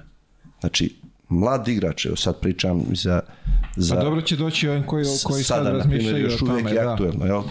Znači, mlad igrač kad bira tim koji će da ode na univerzitet, treba da bira naravno i što je bolji program i što je bolje obrazovanje i tako dalje, ali ako mu je stalo do igračke karijere, on treba da ode kod onog trenera i u onaj tim na poziciju koja se prazni, jer tamo svake 3-4 godine jedan igrač završava školovanje, prelazi u profesionalce ili odlazi u Europu i na tom mjestu ostaje praznina ili će se to desiti za godinu dana, pa prva godina da se Pripremiš, pripremi, pa onda ulaziš u ulogu. A ja sam otišao prerano, dvije godine sam bio ovaj, i mlađi, i fizički, inferiorniji i nespreman. I mada, mada sam vjerovao da sve to mogu da uradim i kasnije mi se i, i ovaj, taj moj pokojni trener i izvinio ovaj, za to što me je doveo, a nije mi do kraja dao šansu. To je jedna, onako da kažemo, izvanredna priča, ali možda za neki drugi put. A, reci mi, tamo kad si otišao, koliko ti je bilo teško, otišao si sam, pretpostavljam. Ka, kako je izgledalo taj tvoj prvi, on, ono, doživljaj, utisak kad si došao u, u Jutu? Pa ja sam, ja sam ovaj ušetao na kampus sa 17 godina.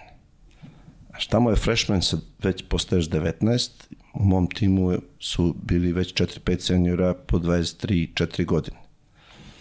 Znaš, onako, ja sam ušetao na kampus, kampus Utah je sjajan univerzitet. Znaš, ovo što si rekao, mormoni, to je jedna religija koja je vrlo organizovana i bogata, prije svega. Ja mislim da su sad podigli ovaj trenažni centar vrijedan 30 miliona dolara samo za košarkaški tim. Wow. Wow. Uh, 40.000 studenta, 45.000 studenta tijelo studentsko u tom momentu. Medicinski fakultet, prvo presađivanje srca, razdvajanje sijemskih blizanaca. Mislim, jedna, jedna ozbiljna institucija, to je državni univerzitet države Jute, u kojoj su mormoni ovaj, uh, osnivači svega toga, jedan ozbiljan akcent na obrazovanje, na ponašanje. Uh, ušao sam, imalo jako internacionalno tijelo, dosta Južne Amerike, dosta Azije dolazilo tamo, čak i ponešto iz Evrope i ovaj kroz te neke službe internacionalnih studenata, kroz, moj, kroz moj timski saigrački kadar, ja sam se onako, bilo je teško, ali recimo posle tri mjeseca sam savladao jezik i ušao potpuno u taj neki univerzitetski sistem života. Uh, običaj drugačiji su bilo je verovatno tamo, ne znam kako je raspored bio buđenja, trenizi, sve kao, ne znam koliko je, koliko je bilo to je... slično ovom što, što se danas u, što je danas praksa na koleđima, da sto ono, ustaješ ujutru rano od lupa šest, pa ideš trening, pa škola. Tad je bilo, ja mislim da je sad uh, mnogo veći limit na količinu rada koji trener može da radi s igračima. Mi smo imali jedan trening uh, dnevno, to bi bio u sredini dana, recimo od dva sata, mm taping, onako bandaža i u 2.30 mi krećemo sa vitaminima, to je nekih pola sata uh, tehnika driblinga, šuta, prodora, dodavanja, onda se prolazi, nek, to je u nekim pomoćnim objektima, jedno sat vremena tu radimo možda taj uvodni dio, onda svi trkom kroz neke podzemne tunele dolazimo do prekrasne glavne dvorane, i tamo se radi još jedno tri i po četiri sata. Znači, treninzi su bili iscrpljići po pet sati. Wow. Budiš se ujutru u šest da bi stigao da odradiš svoje časove i onda dolaziš ručak trening, posle toga domaći zadaci i ovaj ko šta ima da radi u domu i tako dalje. Onako jedan agresivan uh, program, mora se reći. Brzo si ušao u rutinu, što bi se rekao. Jeste, jeste. Ovaj, Salt Lake je grad na 1500 metara, na slanoj, velikoj slanoj pustini, pored velikog slanog jezera, ostaci nekog preistorijskog mora, Roki planine, stinovite planine okole, mislim, jedan Ljudi ka, kažu da je dosadan, zato što mormoni ne ohrabruju noćni život i tako dalje, međutim, ja mislim da taj univerzitet i ta blizina tih planina i skijaških centara, Park City, na primjer, ovaj, to sve ukupno bilo nevjerovatno, ovaj, nevjerovatno iskustvo. Jesi se vraćao posle tamo kad, kad si otišao? Jesam, dva, tri puta sam se vraćao, imao sam svoju porodicu, to je gospođa Mica Radivojević sa pokojnim mužem Radetom i svojom djecom Lenkom i a, Milanom Majkom, to su onako postali smo porodični prijatelji i ja bih kad god krenem do Amerike obavezno planirao i put da se da posjetim njih i naravno da odem do univerziteta. To se kaže up at the U, pošto je U, U je bio ono baš na samim obroncima ovaj, stenovitih planina. Dođu ti ono jeleni pod prozor. Wow. Pa dobro, zanimljivo svak. Uh, zanimljivo stvar da je Tarlačev mali tamo sad potpisao. Gore? Da. Bravo, viš, ne znam, da. To znam da je na kođu, ali nemam predstavu, jest. predstavu gde, u, u kom. Prije toga je bio Luka Drč. Znači imali smo mi tu nekih predstavnika od tih nekih početaka koje sam ja inicirao 85. Pa bravo, divno. Divno. Uh, neka informacija da je Dino bio maltene u avionu za, za koleč tamo sa tobom. Da, ja, ja onako rađa kad ovde. tebe gleda, ja ti kažem, ovaj, posebno je za trenere Amerikance bilo važno da dovedu visoke talentovane igrače. Ja mislim da ovaj moj trener on onako, nije mu bilo neophodno, nego me vidio na licu mesta i tu se njih, ja sam dobio tih deset školarina. Ali američkih bekova je bilo dosta. Sad ja sam bio velik playmaker, 1,93 6 foot 3, 6 foot 4 point guard. To je onako nešto što je i dan danas se ne dobija lako. Ali sad kad gledam, na primjer, mnogo je važnije bilo za program da se dođe do Dina ili do Dikije, jel? I, jer uglavnom najviši Amerikanci su odlazili u najbolje programe, tipa Duke, North Carolina, Kentucky. Znaš, jedan uh, uh, srednji, srednje jaki ovaj program kao što je Utah nije mogla da dođe do ovaj tako visokog potencijala uh, uh, regruta na visok na centarskih pozicija. Da, da. I ovaj jeste di, poslije smo poslije sam ovaj, ja došao u Split da igram, pa sam čak ono, čest gost bio kod Dina kući, pokojna teta Dunja mi je čak i pričala, to on, Dino je već bio na aerodromu i ona je za, onako zaplakala i Dino se vratio. Ovaj, to su onako emotivne stvari. E, nije to lako bilo, znaš, otići čovjek ode tamo, meni je majka dobila, na primjer, tumor. Tumor, tumor na, na, na grlu. Ja to nisam znao. Kasnije ona sam shvatio da je Zbog stresa kad si... zbog stresa što sam otišao tako daleko i tako mlad. Pa vidi sad iz ugla roditelja ako pričamo poprilično je stresno. Pogotovo to, sad, vidi sad je još i dobro, imaš ove telefone pametne, možeš i da gledaš kad pričaš. Sami si u tom momentu, ono, pa verovatno treba izlaz iz juge da okreneš neki broj, da te spoji s centralom, da, pa, da, pa da li ćete naći tamo u, u sobi gde već. Bilo je, da, To je ozbiljno onako- stres, ozbiljan stres. ozbiljna odluka. Da, da, hrabra, mislim u tom momentu.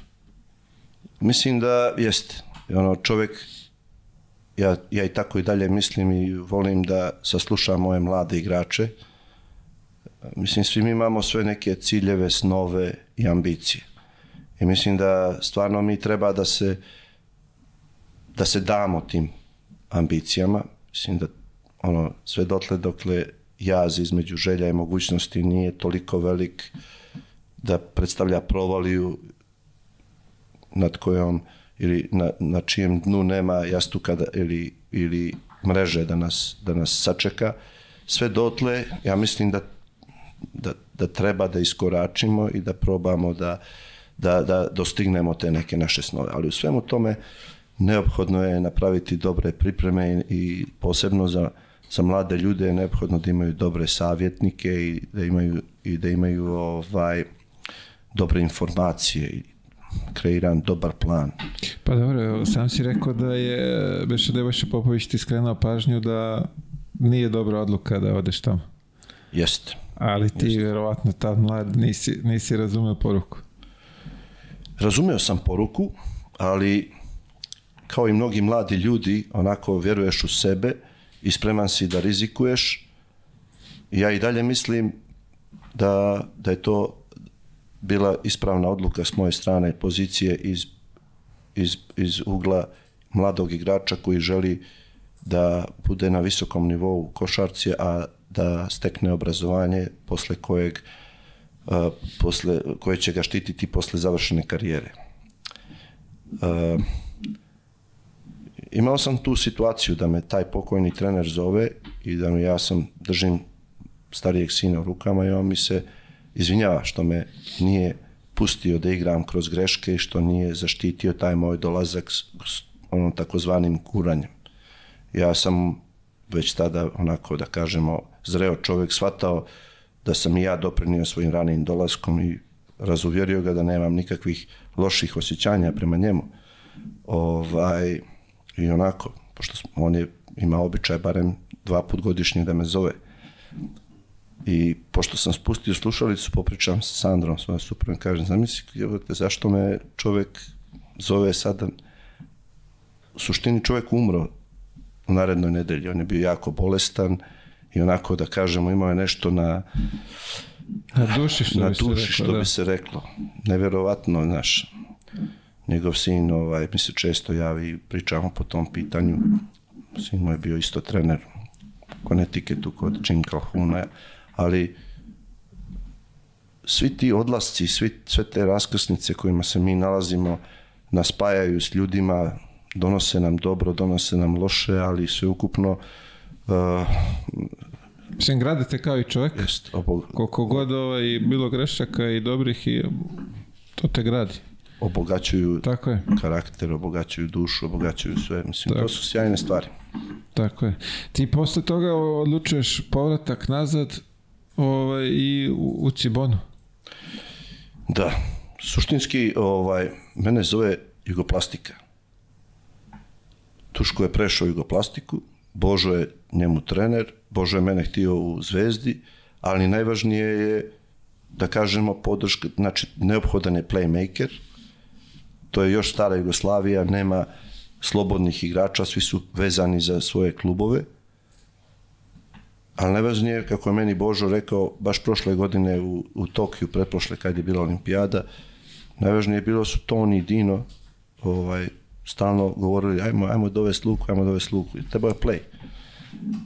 I ja sam već prelomio ću doći kod svojih drugova i kod, da kažemo, starijeg kolege i u program koji onako raste.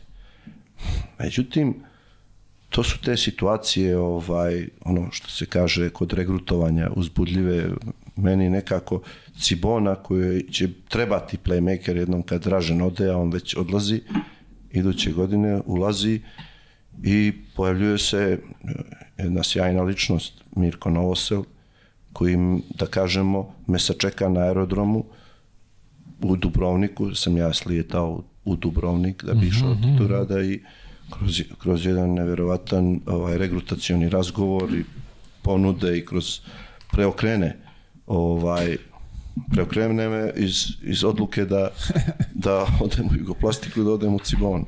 Što nije bila dobra odluka iz drugih razloga i godinu dana kasnije ja sam se uspio da se dokopam te originalne destinacije. Čekaj, kako sad vi...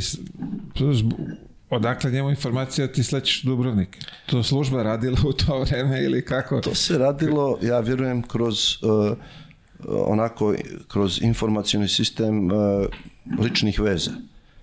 Moj trener uh, u reprezentaciji je bio Rusmir Halilović, on je bio dobar prijatelj sa Mirkom Novoselom, u cijeloj zemlji Saša Đorđević u Partizanu vezan, Zdravko Radulović u Bosni vezan, ta neka kategorija starijih playmakera svi vezani, od svih od nas tri, četiri mlada playmakera, jedino sam ja slobodni radikal tamo negdje I vraćaš se. i sad se vraćam i treba da se donese odluke. To je, mislim, Ne, zamisli sad da neko otputuje negde na aerodrom, da te zna da će sleti neko i da ga sačeka i da ga ubedi na aerodromu. Kao je, ovo ti je bolja opcija nego ova. Malo je... mislim, e, ja mislim da postoje i agresivniji primjeri regrutacije od toga. Znaš, ali to stvari stvarno treba čovjek da bude jako obaviješten. Mislim, kasnije sam se ja sreo s tim, na primjer kad sam odlazio u Hemofarm i htio sam da dovedem Nikolu Pekovića sa sobom i onda sam se pojavio se partizan ispred mene koji isto htio da ga dovede i onda ta regrutaciona bitka zna da bude onako baš da se zaoštri. A, Cibona, Dražen tamo, vidi do sad imao sam Vlade Đurovića ovde koji mu je bio trener, ali nisam nikog imao da je, ovaj, da je delio parket s njim, što bi se reklo. Pa u neku ruku ja sam kao došao i najavljivan kao njegov, da kažem, e, naslednik u, u Ciboni, on je pokojni Dražen mene tako i dočekao. Mislim, on je čovjek jako bio fokusiran na, na, na, na, na, na igru, na košarku i imao je, onako bio je sav posvećen. I, ali, na primjer, u tim nekim momentima imao je želju da, da ovaj, da za tu godinu dana mi pomogne da jednom po njegovom odlasku ja ostanem tu i da, da Cibona nastavi sa tim snažnom konstrukcijom koju je imala. Tako da ja sam bio tu u nekoj poziciji kao mlađi saigrač i bili smo i cimeri veoma često i onako povremeno bi smo izlazili onako u razlika je u godinama bila, ali bilo je ajde večeras malo u grad i tako dalje. E, baš nedavno, prošlog ljeta sam ovaj, isto gostovao u nekoj emisiji i neko je pričao o Draženu i onda sve što ostane od njega su ti njegovi učinci u košarci. Znači on je te godine imao prosjek 44 pojena u Jugoslovenskoj ligi. 44 pojena? Prosjek. Što ljudi ne znam kako to zaprimo. Naš meni Kića pričao kad se vratio iz Partizana prve godine u Čačak, srećan se javlja Radmilu Mišoviću, svome mentoru, ovaj mu kaže šta je mali, a? Teško u velikom gradu. Kića, ne znam, 20 pojena imao. Ako kako, pa imam 20 pojena. Šta je 20 pojena? Tu ako ne daš 30, 35, bilo je, znaš, onaj, ne priznaju te uopšte da si na tom nivou. Ovaj, uh, to je ozbiljna anegdota kako Kića priča, kako mu, kako mu Radmilo Mišović objašnjava gdje su tih 30 pojena, daš ovdje na lijevi ulaz, daš ovdje na desni, šutneš dva, 10 penala, pet iz daljine, još prevariš, da tri, to, to je to. 35, 19 pojena, šta je to? Lagano. E sad, kako je sad vi meni objasnite, mi pričamo ovdje, čovjek izađe da 44 prosjeku. Či svakom 44 ili više? To je znači negdje da 52, negdje ono padne pa bude 29. Da, kao nije mu dan. To je katastrofa. A verujem da je i njemu teško padalo ti, aj kažemo ti u, u mali brojevi. Jeste, jeste to, na primjer. Koliko je teško on ponosio? Rekao bi da je onako bio poprilično... Bio je fokusiran i ovaj i sad je tu oko njega se lomilo mile naš tu ima jedno pravilo koje je jako pomagalo jugoslovenskoj košarci a to je igrači nisu mogli da napuste zemlju da igraju profesionalno u inostranstvu prije 28. godine. Evo sad, na primjer, zamisli da je to pravilo i koje mi igrači imamo koje smo izgubili ne u 25. 6. 4. nego u 19. Da, da. Tako da, kad ljudi pričaju koliko je ta Jugoslovenska liga bila jaka, između ostalog bila je pomognuta i tim izuzetno snažnim pravilom koje je držalo najtalentovanije ljude da igraju u jednom periodu kad su i, i dovoljno zreli.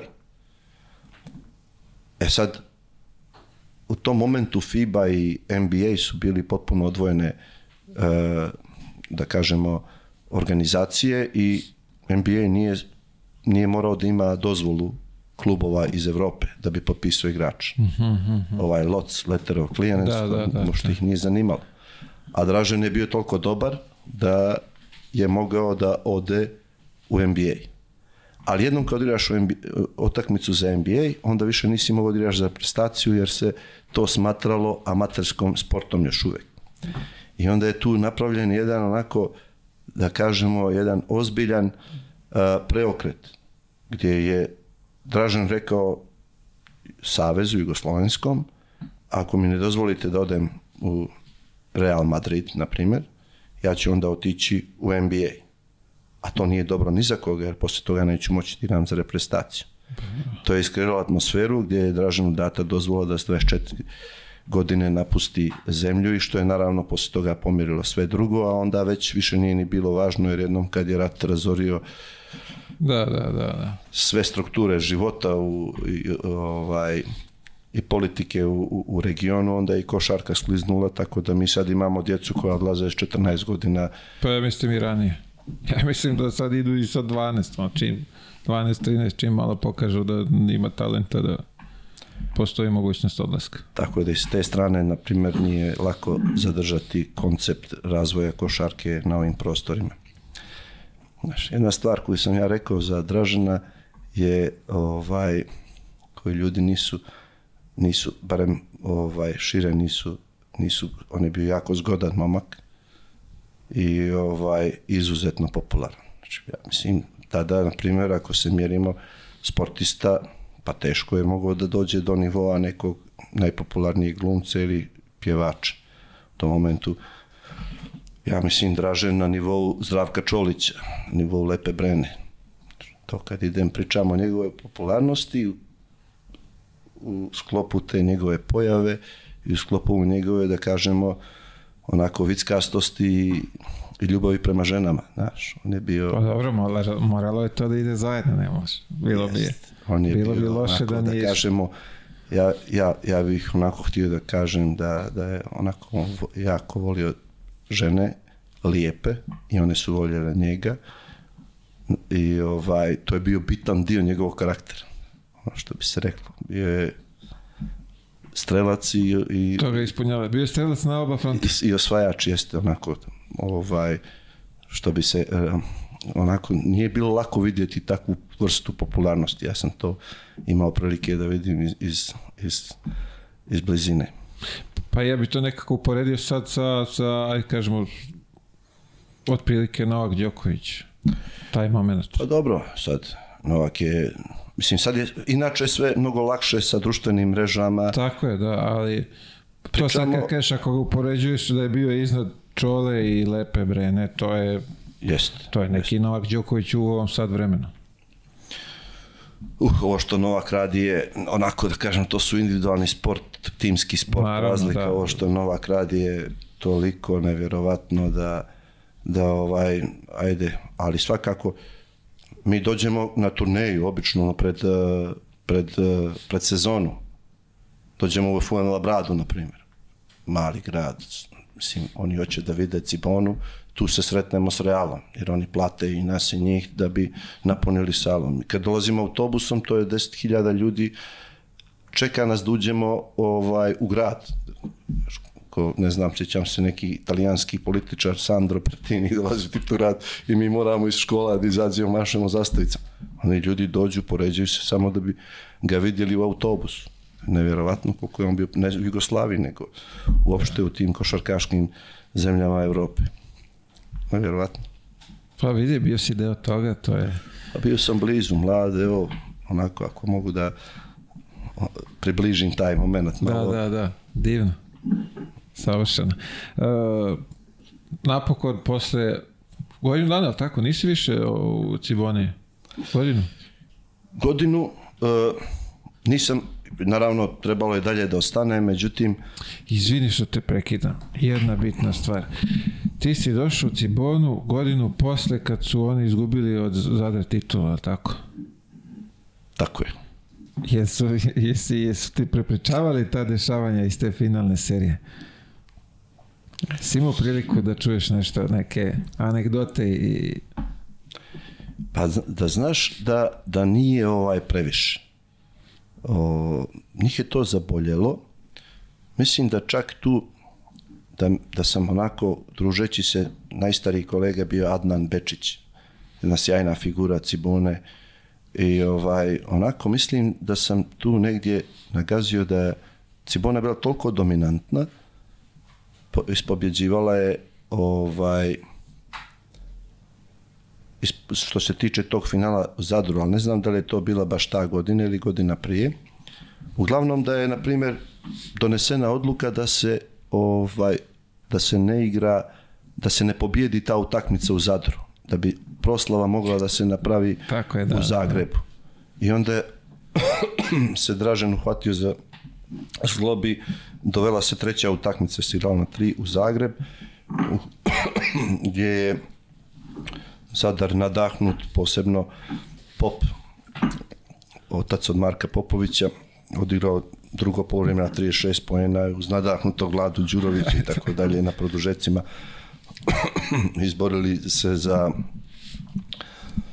za osvajanje titula. Da, zato što je Vlade, bi Vlade bio ovde, a ovaj, čini mi se da si ti došao tu godinu posle kad, su, kad, se, kad se završila ta, ta, ovaj, ta finalna serija, pa me baš zanima kakvi su utisci bili, šta su pričali ovaj, u To je bilo dvije godine prije. Godina kad sam ja došao je izgubljena od Zvezde. Ja mislim, opet je Vlada sad vodio Zvezdu i iznenadio ih je sa mladim igračem koji ih dotad nije koristio, to je Bane Prelević.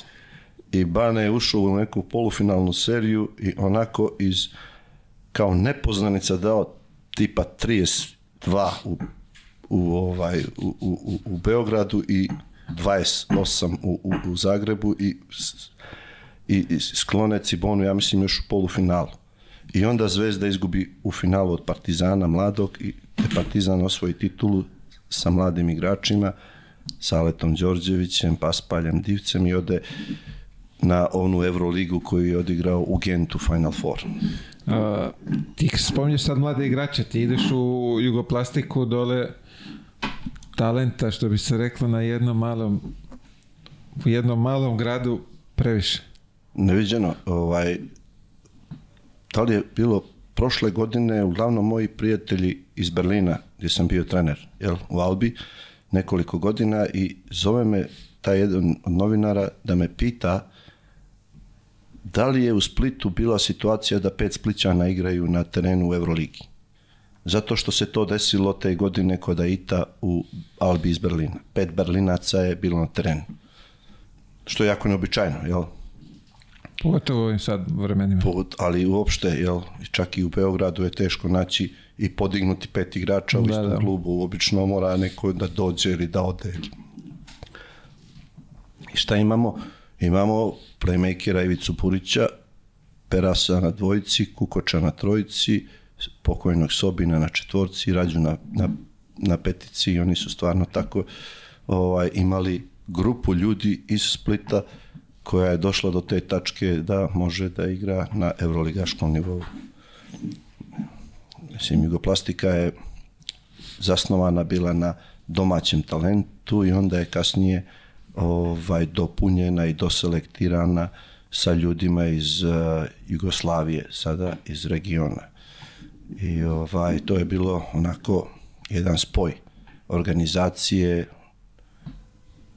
struke i selekcije koji je eksplodirao u tom nekom momentu ovaj kad kad je osvojena prva evropska titula, ali do tog puta ta organizacija je morala da se razvija.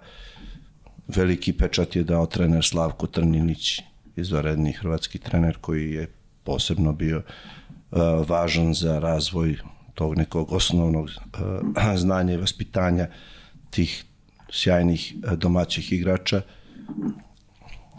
Moka Slavnić koji je došao posle Slavka iz velikog grada, naslijedio grupu i dao im da igraju i onako na sve to došao Boža Maljković kao veliki Su, trener. izvini, kod Moke su Rađa i Kukoč bili. Da, On im onako. je dao, što bi se dao Vjetar u leđa. vetar u i- leđa. ali ovaj, mislim, ja smatram da treba uvijek pomenuti ljude sve koji su učestvovali u Apsolutno. izgradnji, u izgradnji e, nečeg tako uspješnog i takvog velikog kao što je to na kraju postala Jugoplastika. Da, ali to je tri godine za red. Jeste, Mile. Ta prva godina je bila uh, fantastična. To je ono što bi rekli putovanje. Nevjerovatno. Ja sam u toj godini imao, počeo sam godinu sa Udesom. Jedva sam živo stao ovaj, dolje u, na magistrali kod uh, Ploča, tad se zvalo Kardeljevo, jednom selu po imenu Brist i od dođem u, u sjajnu situaciju, budem playmaker jedne tako potentne ekipe u jednom tako dobrom sistemu, u jednom tako lijepom gradu i onda na putu do Podgorice nazad doživim udes. I to me izbaci, ako je to udes bio u oktobru, znači na početku lige, ja se pojavim na prvoj utakmici, mislim da sam srećan da sam živ, da se to pogrešno Da, ne da, shvati, da, ali da, da. ovaj, pojavim se onako u januaru protiv Makabi Tel Aviva u Splitu na prvoj utakmici koju smo ovaj, izgubili. Onako, e, to putovanje, ta godina je bila nevjerovatna. Ona, mi smo na kraju došli u situaciju da smo izborili ulazak u Final Four u Minhenu, polufinalu sa nepobjedivom Barcelonom, u finalu s još nepobjedivim Makabi Tel Avivom i odjednom postajemo prvaci Evrope. Pričamo, ako uzmemo po pozicijama, evo na poziciji playmakera pokojni Sreta 24 godine. Ja imam 20. Toni ima, Peras ima 23, Duško je jedini iskusan igrač koji je recimo od 32 godine došao u ovaj prije toga da bude vođa te ekipe. A Rađa, Kukoč i ja smo bili ljudi od 20 godina u petorci i 21 godinu. A, I najstariji igrač je imao 25 godina u, u onaj koji je nosio ozbiljno svoje, svoju rolu poslije toga. Tako da je to bila prva sezona. Druge sezone smo već, ono, tad smo znali ko smo i što smo, to je već bilo onako drugi ste već bili iskusni. iskusno. I ta druga je onako, smo, što kaže, ravnomjerno ovaj, pobjedili sva tri trofeja. E, Izvini, sad kad si rekao ravnomerno, našao sam podatak da je ovaj te druge godine finale s Partizanom, da je bio neki incident i da je Dule povukao ekipu sa, sa terena pa da je kažnjen. Da je Partizan bio kažnjen tu treću utakmicu da apsolutno su, o, o, vama su pripisali titulu posle druge, ali tako? Ako se, pa, tu sad ima, pričamo o godinama kad se osvajala titula Jugoslavije. Osvajanje titule prvaka Jugoslavije Jugoplastike je uradila godinu prije nego što sam ja došao. Znači, pričamo prije nego što je ušlo u Euroligu. Te godine kad smo mi osvojili Euroligu, Partizan je osvojio kup Koraća. I to je bilo ogromno rivalstvo koje se vuklo od prethodne godine. Mislim, to su nevjerovatne stvari. Ovaj, prethodne godine je Partizan izgubio od Jugoplastike u jednom strašnom finalu i koja je bila situacija ovaj, gdje je Đorđević stasavao, Paspalj, Divac, igrali su u Gentu na Final Fouru Jugoplastika, je sa, da kažemo, s, manje, s pozicije manje vidljivosti došla i uspjela da ih pobjedi. Ja sam te godine igrao u Ciboni i mi smo tu ispali od Partizana gdje je bilo, da kažemo, ta posljednja Dražnova godina. To je jedna situacija. Onda dolazi, ja prelazim Jugoplastiku i sad ako pričamo o Jugoplastici, to su te tri godine Euroligi. A u toj godini je opet bilo Jugoplastika Partizan final. je li to ta godina kad je bilo ta neki incident da li, da li beše u Splitu, kad su divca pogodili nešto pa je bio neki kuršlus? Bio je kuršlus. Bio je kuršlus. Suštinski, ovaj, tome je prethodila prva utakmica u hali, Ovde u... jeste u hali sportova. Partizan je imao prednost domaćeg terena. Zadnji napad Partizan ide na divca, Rađa pravi peti faul i sad možda se bira, šutiraš jedan za jedan, ako daš, imaš drugo, ako ne, gubiš. Da, to su bila pravila pre, da, jedan za jedan, bravo. po mojoj informaciji Dule pita Dikija ćemo da šutnemo ili sa strane, Diki kaže idemo sa strane, znači nije htio da rizikuje da izgubi taj, to bacanje. I sad on igra protiv mladog tabaka, dovede ga na poluhorog, recimo na metar od koša. I lopta samo ovako izađe i pola koša ostane za nas, mi povedemo 1-0 ili plastika. I sad treba da, sad idu dvije u Splitu. I toj drugoj, Partizan je bolji tokom cijele utakmice, ali mi smo stalno tu.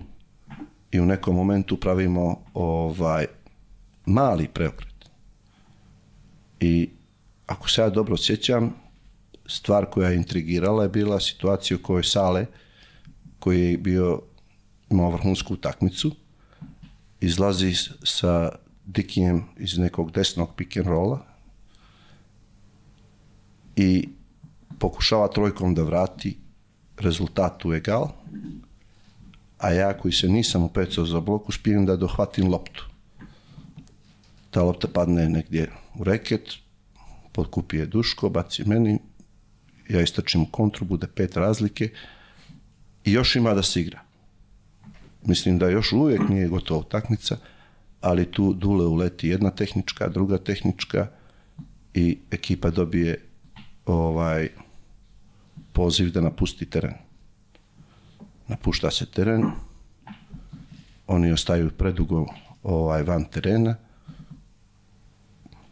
pokojni Rašo Šaper je čovjek koji je vodio tada, ja mislim, ligu i savez, on proglasi završetak utakmice, po pravilniku to znači gubljenje svih ostalih utakmica do kraja sezone što je sledeća. I koliko ja onako mogu da se sjetim, to je problem bio da se Partizanu ne oduzme nivo takmičenja. Jer je i to bilo u igri.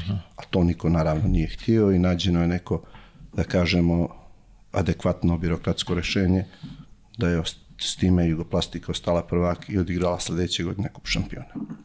E, pa bukvalno sad nešto dok sam malo čačko, pronađem, izbacim i ovaj, iskoči mi podatak, da li je 29-30 sekundi do kraja da je da, da se to desilo, da je prekinuto i posle su dobili kaznu da ali tad nađem podatak, uh, kazna je 2-0 registrovano pobedom od 2-0 za Jugoplastiku. Sad je 20-0 ako se ne pojaviš, ali tako nešto? Ja ne znam, onako, mi smo mi smo da kažemo te godine napravili taj iskorak i postali prvaci Evrope. I onda sve drugo je onako ostalo u nekom... Da, da, zamaglilo. Zamaglilo, ali ovo, ovo je bilo neobičajena završnica jedne dvije izuzetno jake ekipe. Mislim, to je stvarno bilo... Pazi koliko talenta je s jedne i s druge strane. Jeste. Pazi ovamo, Divac, uh, Đorđević, uh, si rekao Paspalj, E, da, Palja bio tu, jeste. Kako da nije, tu je bio Ivo Nakić, pa onda došao Danilović kao mladi igrač, pa je onda bilo Mića Pecarski, pa je bio ovaj, Jadran Vujač, mislim, to su bili da, ozbiljni, da, da, da, ozbiljni, da. ozbiljne konstrukcije. Wow. Kako igrači. Oni su osvojili kup Koraća, mi smo osvojili kup šampiona. To su vjerovatno bila dva najbolja tima u Evropi. Znam si sad u ovom momentu da da neka ekipa, u stvari dve ekipe iz Srbije ili ajde odavde iz regiona osvoji evropska takmičenja? Koliko smo daleko u ovom momentu od toga? Pa evo, dok idemo tako u prošlost, vidimo da je generacijski teško to sad već da se ovaj da se da se postavi i organizaciono. Ali evo imamo dva tima koja su u Euroligi Da, ajde vidjet ćemo, da, vidjet ćemo. Nikad se ne zna šta može ovaj, da se, što bi se reklo, i, i izrodi. To. Kako su bili, to me zanima, uh, Rađa i Kukoč, oni su iz te generacije onako napravili, da kažeš, ono, vrhunske karijere. Ti dolaziš tamo, mislim, to su opet tvoja generacija. Mi smo rasli zajedno kroz te jugoslovenske selekcije. Mislim, to su pre svega drugari generacijski, pa drugari reprezentativni, pa sam onda ja došao u njihov grad i bio s njima u njihovom timu, postao deo grada, deo tima i tako dalje. E, mislim da je onako Kuki uvijek odskakao svojom, svojim talentom, sve, sveukupnim talentom. Znači on je onako bio, što bi se reklo, van pozicioni talent. Ne može sada da se uklopi i da mu se kaže ti si sad krilo. On je bio sve. I ovaj, u tim momentima se tek izgrađivao i fizički i psihološki, ali količina talenta i mogućnosti s kojima je on šta je sve on mogao da uradi na terenu da bi pomogao ekipi da cijela ekipa bude bolja je nevjerovatno neki put budu skokovi, neki put budu asistencije, neki put budu gradene lopte, neki put budu šutevi za tri pojena, prodori, odbrane, mislim, on je čovek koji onako jednostavno sreća je što je on uspio da takav svoj potencijal neprekidno nadgrađuje i da dođe do te tačke da se takne sa jednom legendom kao što je Michael da, Jordan da, i s tim da, Chicagom, da, da možemo da ga pratimo kroz te dokumentarce na Netflixu i tako dalje. Uh, Dino je Dino je za moj ukus čudo od igrača na vašoj poziciji centarskoj. Teško je naći takvu vrstu konstante. To je bio igrač koji onako bio stub i u odbrani i u napadu i davao hrabrost bekovima da igraju u oba smjera. Mogao je da igra leđima prema košu mogao da igra licem prema košu, igrao u tranziciji, igrao pick and roll, igrao, mislim, jednostavno, nekako mi se čini da je on malo neprepoznat po svom kvalitetu, s obzirom da je najbolje svoje godine dao Bostonu u vrijeme kad Boston nije, nije, ovaj, nije imao pobjednički tim. a konstanta s kojom on igra je bila nevjerovatna. Znači, to je onako čovjek kad se s njime igra, onda ideš na sve moguće pobjede i na sve moguće trofeje. Dva dragulja, stvarno svetske košarke koja su ponikla u 100 metara. Tako je, da. I još plus pomognuta su i ovim talentima vašim koji su bili okolo od Perasa, Tabaka, tvog e, Sreta pokojni. Jeste, to je sve, ovaj, ta cijela ekipa bila napravljena izuzetno skladno i izuzetno osmisleno od strane stručnog štaba Boža Maljković, profesor Nikolić koji mu je savjetovao, a sve to podržano s tom jednom ovaj organizacijom koja se sastoja, koju je, pred, koju, koju je tehnički vodio Josip Bilić, koga mi znamo iz, iz uh, Jadranske lige, a koji je, je, koji je radio ispred jedne isto tako zlatne generacije jugoplastike, to su stari igrači, kao što su Rate Tvrdić, Damir Šoman, Željko Jerkov, uključivao se i Petar Skansi i tako dalje. Oni su stvarno imali jednu jaku kulturu na koju su uspjeli da nadovežu ovu ekipu. E, ajde kažemo, Split je onako mali grad, nije. Kako ste tu slavu vašu te tri godine? To je bilo, verujem, onako prelepo živjeti u tom momentu tamo i biti deo te ekipe. Kad sve ide kako treba. Ovaj, kako da ne to kad smo osvojili prvi kup šampiona, ja mislim da je bilo, ja mislim da je, da je, da je, u, da je u Splitu došlo, pa možda čak i 150.000 ljudi, skoro cijeli Split je izašao. To, aerodrom je u Trogiru, od Trogira do Splita su sedam kaštela i ja mislim da smo mi onako, da bi došli do Splita, to je išlo jako sporo i da su da smo mi već uveliko stigli u Split, a još pojedini automobili nisu mogli da krenu sa aerodroma. I da aerodrom morao da se renovira posle toga u samom gradu, u srcu kod uh, Dioklecijonal palate, to je bilo sve puno. Zastav jugoplastike, neko su, možeš misliti, uspio da se uspne na vrh palate i ono pod, ne smijem da razmišljam, ali da je okači tamo, to je danima se o, tome pričalo, gledalo i tako dalje i poslije toga naravno da je, su svi građani tog prelijepog grada bili ponosni na svoj tim i naravno da je bilo jako lijepo živeti u toj atmosferi. Sad bilo je ovako malo da se našalim malo neprijatno, s obzirom da su svi oni imali žene i, i djevojke, jedino sam ja bio slobodan, tako da sam mogao malo više da se krećem po gradu i da ovaj, u tom smislu pravim prijatelje. Ja sam stvarno uživao u svim aspektima tog života u tom prelijepom gradu. Nažalost, dolazi i taj glupi rat tebe zahvata tu poslednju godinu dole se osjećala ta neka, kažemo, tenzija, kako to izgledalo? Jeste, osjećalo se. Nešto se osjećalo, ovaj, mi normalni građani nismo shvatali da će baš da to može doći do toga. Nažalost, ovaj, jače su sile bile upregnute i to što je bilo pokrenuto, jednom kad je dobilo zamajac, nije bilo zaustavljanja. Ja mogu samo kažem da sam jako tužan i ovaj, zbog svih žrtava toga rata sam da mi je uvijek krivo što se raspao jedan sistem koji možda nije bio svima po volji u početku, možda je bilo i mnogih koji se tokom toga nisu osjećali dobro u njemu, ali mislim da je taj sistem davao šansu svima da budu na visokom nivou. A da se takvim raspadom nije došlo do boljitka.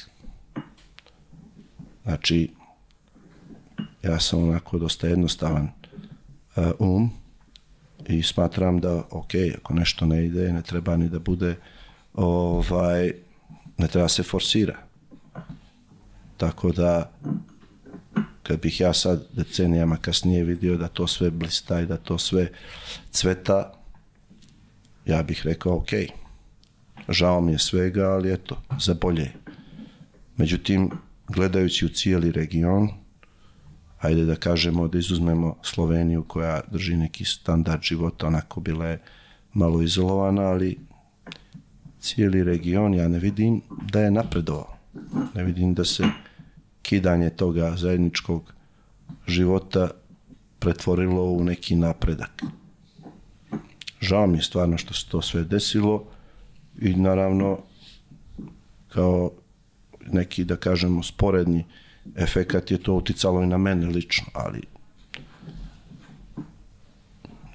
žaliti za tako nekim stvarima, a biti zdrav naspram gubitaka koji su bili se dešavali gdje su ljudi gubili Da, živote da. i Mislim, stvarno jedan rat, ja mislim, uh, ubeđen sam nikom ništa dobro nije doneo, pogotovo ovaj ovde koji je nas zatekao, gde smo bili izloženi tome, neki su gubili živote, najmilije kuće, sve to. To je nešto, ajde smo se opametili kroz sve ove godine da, da, da u da- budućim tim generacijama neće pati na pamet da tako nešto krenu. Dragi moj, Ili ja mislim, ja mislim da to ni tada nije bilo u našim rukama, a neće biti Ni u rukama budući. budućih generacija. Treba imati pameti i čuvati se u svim ovim nekim političkim previranjima i tražiti neku poziciju iz koje čovjek može najmanje da bude oštećen, ali na, na ovoj raskrsnici Balkanskoj gdje se mi nalazimo, to će uvijek biti teško. Nažalost. Nažalost i nas i nažalost svih ovih posle nas mlađe generacija koje će da, da žive i borave ovde. E, posle jugoplastike ti imaš jednu zanimljivu destinaciju Izrael. Nije baš odma, ali je onako što bi se reklo Pa, ako ćemo da pričamo o interesantnim destinacijama, Izrael je, Izrael je sjajna destinacija. Ajde, još jedan mali, ovako, da kažemo, rewind unazad i mi igramo zadnje kolo protiv Maccabi Tel Aviv te prve godine kad se nije, mi kao Jugoplastika nismo bili u planu da osvojimo titulu. I napravi se jedan dobar izlet, tipa i to je tada bilo onako malo napredno. Jugoplastika kao klub organizuje put i za navijače, čarter, ode se 3-4 dana da se bude dolje na Hilton, na Tel Avivskoj plaži, da se posjeti Net, Netanija, Dijamanti, ove neke da ih nazovemo vjerske destinacije, uključujući i posjeta Jerusalimu, Isusovom grobu i zidu plača. I sad smo Dino i ja na zidu plača i kao ajde da stavimo ovaj želje. želju. I ja onako, da kažem, stavim želju i kažem da mi je, poželim da budemo prvaci Jugoslavije. Dino stavi svoju želju, ja ga pitam šta si stavio, on kaže ja sam poželio da budemo prvaci Evrope. Sad, da li tu ima nešto ili ne, uglavnom Radile. uspjeli smo da postignemo ovo, oba cilja. I poslije sam shvatio da, na primjer, postoje i službe koje, koje operišu iz cijelog svijeta, koji jevreji, jevreji iz cijelog svijeta šalju svoje želje i onda fizička osoba koja primi želju ponese u ime tog nekog iz New Yorka ili iz Buenos Airesa i stavi je u zid plača ovaj, i to je bio moj prvi neki susret s Izraelom. A onda nekih 6-7 godina kasnije ja dolazim u Izrael i igram za Hapoel iz Naharije, to je na granici s Libanom i tu sam već došao sa svojom suprugom Aleksandrom, sam upoznao u Beogradu po, po, po napuštanju Splita i toku rata i mi tu imamo porodicu i vezujemo se za Izrael na najveći mogući način prelepa prijateljstva i prelepe dvije godine života u toj isto tako fascinantnoj zemlji. Uh, vidi, ne znam, uh, kad si rekao to Neharija, ali tako? Naharija. Naharija. Uh, znam da ima i oni, kako zovu, kobuc, je li tako? Gde se, Kibuc. Kibuci. Je li to taj neki fa- fazon ili... Pa kibuca ima svuda. Kibuc je jedna vrsta komune, Da, radno-životne komune. O, pošto su prvi jevreji početkom 20. vijeka došli iz Sovjetskog saveza, su bili ruski jevreji, oni su organizovali svoj život u tim nekim uh, radno-životnim komunama. Oni bi svi radili i svu zaradu bi davali toj nekoj upravi komune.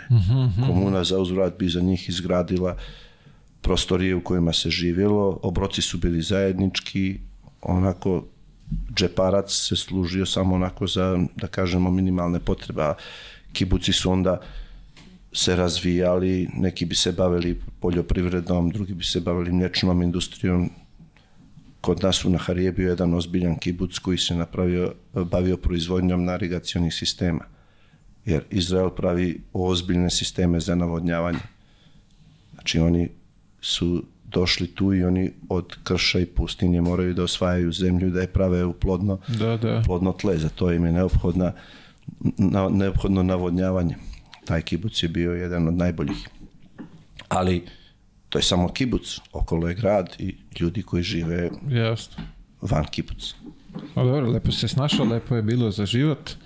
Jest, jest. Tu kad je bilo bombardovanje 99. godine, ja sam odlučio da Sandru, moju ženu i oba sina, koji jedan se tek bio rodio, sklonim iz Beograda i po- poveo sam ih u- upravo u Izrael. I onda je je bilo ovako malo pod znakom pitanja kao šta se dešava, bivši igrač Hapoel Naharije, Luka Pavićević, porodicu doveo iz jednog rata u Izrael. Da, i kod njih je nikada, ovaj, ne zna se... pogotovo na Harije koja je na granici s Lebanom i često smo bili na udaru projek, ovih granata. Zato te i pitam da li su ti kibuci, ono, je li to poznato, ako sam ja dobro razumio, kako, ako si stanovnik kibuca, ti nemaš pravo posle nekog vremena izlaska napolje, jer kao tu smo, čuvamo se, svi smo zajedno kao u tom delu. Ja nisam siguran da je to povezano s tim. Sad nisam dobro upoznat sa pravilima života u kibucu, osim ovog nekog zajedništva. A jedna stvar koju za Izrael treba se zna je ta, ta, ta, to služenje vojski. Muškarci služe tri godine, žene služe dvije godine. Žena može da izbjegne služenje vojske samo ako se uda prije služenja, što je dosta rano. Da, da, da. I onda, i onda poslije odsluženog vojnog roka do svoje 55. godine muškarci moraju da doslužuju svake godine po mjesec dana. To se zove Miloim. Čekaj, I on- završiš i onda si dužan svake godine po mjesec dana da... Tako je. I na taj za vodu? način, yes. Tako. I na taj način oni u svakom momentu imaju tu, da kažemo, specijalnu, tu, tu rezervu spremnu da učestvuje u slučaju da se Da, da, da, da. o- jer oni su okruženi neprijatelji. Pa jeste, ja govorim, kad sam išao u Liban imao sam problem jer su mi na pasošu našli ovaj neku, šta već, izraelski neki Našli su ti izraelsku vizu. Nije viza bilo pitanje, nego je bila nešto je bilo, ne znam šta je. I ovaj kad aj ti dečko sa strane, Jeste. u sobicu na ispitivanje, ko si, šta si, gde, što si, zašto si ovde, gde si pošao, što si išao tamo, da, ko, daj bre ljudi, bre, sportista, manite me. Tako da sam, prošao sam kroz tu, mislim, bili su prijatni, nije, ali znam da su, Postoji ta, taj birokratski problem. Ko je imao vizu? Jer ako ti da bi došao u Izrael moraš da imaš vizu. Jednom kad ti je udarena viza u pasoš, s tim pasošem ne možeš da uđeš u arapsku zemlju. tako je, mislim da to i dan danas Ja mislim da. Funkcioniše to i dan danas, tako da je haos. A, zanimljivo, ajde kažemo, zanimljiva taj zanimljiv deo tvoje karijere da si ti u Zvezdi u tri navrata nastupa. Rekao bi ni u jednom nije bilo sjajno. Ovaj, jedan od mojih dragih igrača koje sam imao prilike da, da, ovaj, da treniram u karijeri je, je Luča, Vlada Lučić. I negdje sad sam uhvatio ovaj, njegov neki intervju gdje on kaže kao, kao pomalo sam i ljubomoran na to kako sad Partizan i Zvezda izgledaju i, i kako je dobro biti u svom gradu, svojoj državi i postizati uspjehe i postizati neke svoje ambicije i u sportskom i u, i u finansijskom pogledu, a da si kod kuće. Pa mislim, to je svi, svi maštamo o tome. Tako je. Svaki klinac mašta o tome da igra za svoj klub u svom gradu i da osvoje titule sa svojim klubom, da. Ali u prošlosti to obično nije moglo da se desi. Znači, sad si me pitao, ja, moja prva godina u Zvezdi ovaj, bila je jako teška. Ja se sjećam da smo, znači, Trifa je, Trifi se pokidala Ahilova tetiva predavnom, bilo je to u derbiju protiv Partizana, neka kontra. Ljudi su bili neisplaćeni, od- odlazili su, Borko Radović otišao u Sibir, pokojni Sreta prestao da igra, Stević prestao da igra, ne znam, deša, jednostavno nije bilo primanja od početka pa do, ne znam, do duboko u sezonu. Na kraju smo došli do toga da smo bili, ja mislim, nas šestorica. Sjetim opet pokojnog Lije, Gile, Aca Gilić, Mirko Pavlović, Neša Ilić,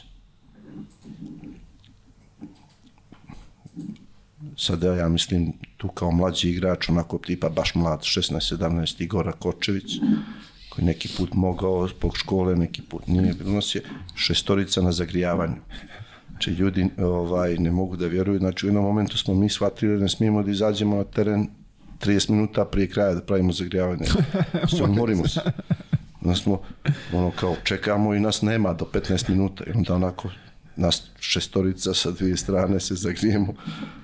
Smo, igrali smo strašno, stvarno ono, dobra grupa. Tad nije bio volki intenzitet utakmica i mi smo sa šest ljudi ostaje u sjećanju jedna čuvena utakmica u Pioniru protiv, protiv Šapca, gdje smo na sedam minuta do kraja igrali sa četvoricom igrača. Mislim da je Lija ispao iz, iz igre i ostalo nas četvorice igramo neku zonu 2-2. Može Šabac onako dosta zeznut i na kraju u zadnjoj sekundi Čekaj, sa Mikanom. sa Mikanom, sa onom Njegovanovićem i onim uh, Vlatko Ilić nam je dao koš od table u zadnjoj sekundi s vrha reketa, slučajno je pobjedi nas. Nikad mi nije tako teško pala u ovaj poraz, jer smo igrali četiri na, minuta do kraja sa četiri goša. četiri na pet smo igrali, to je onako da kažemo izazov bio. Tako da jeste ovaj, ja sam uvijek kad god bi došlo do toga, uvijek bi kod mene pokrenula emocija i volio sam da dođem da igram u zvijezdu, ali uvijek treba imati u vidu u kakvom momentu Čekaj, ovaj drugi mandat je izgledao malo ozbiljnije. Tu je bilo neka Evropa, je li tako? Jeste, drugi mandat je bio dosta ozbiljnije, što naši, na, što naši, naši, pa onako, na kraju taj drugi mandat se završio bombardovanjem i igrali smo dobru Euroligu, uspjeli smo da ovaj, pecnemo Partizan ne pobjedama, nego što smo uzeli Divica da igra za nas. to je bilo onako specijalno bolno. Ovaj, Diki je to naravno šarmantno i, ovaj, i, i lijepo odradio. Mi smo dobili Žalgirisa jedini tu godinu. Žalgiris bio prvak Evrope, bez poraza. I u Litvani i ali ovaj generalno liga se prekinula i mi nismo uspjeli da poentiramo tu sezonu sa nekim a u, u, u Jugoslaviji sa, sa budućnostom smo imali jedan e, negativnu koš razliku i kad se prekinula liga oni su samo na osnovu trenutnog rezultata bez play-offa predali titulu budućnosti i tu je nastao uspon budućnosti. Tako Od tog momenta je budućnost krenula da maksimalno investira pod rukovodstvom Veska Barovića i Danila Mitrovića, čuvenih rukovodilaca budućnosti koji su podigli i budućnost i crnogorsku košarku da bi sad, na primjer, Dragan Bokan to da kažemo još izdignuo na neki nivo i sad evo imamo Crnu Goru sa dva, tri aba ligaša i onako jednog ozbiljnog predstavnika u regionu košarkaškog. I, za, I zanimljivo rivalstvo svake godine. Pa do granice incidenta. Ja lično nisam pristalica incidenata. Pa mislim, ko, je, ko normalan jeste, ali... Često sam imao prilike da igram protiv dobrih prijatelja i mi stvarno nismo imali milosti jedni prema drugima na terenu, ali smo znali da isključimo, da kažemo, to rivalstvo van terena i da dijelimo život kao, da kažemo, i svi drugi profesionalci, kao što bi doktori ili ne znam, policajci ili inženjeri ili nek bilo koja druga profesija mogla da živi jedni s drugim iako je konkurencija jedna druga. Haj, opet, to je kod nas ovde sve je normalno iz godine u godinu, ne vidimo napredak, ali možda evo sad Partizan Zvezda u Euroligi možda se malo nešto promeni na bolje.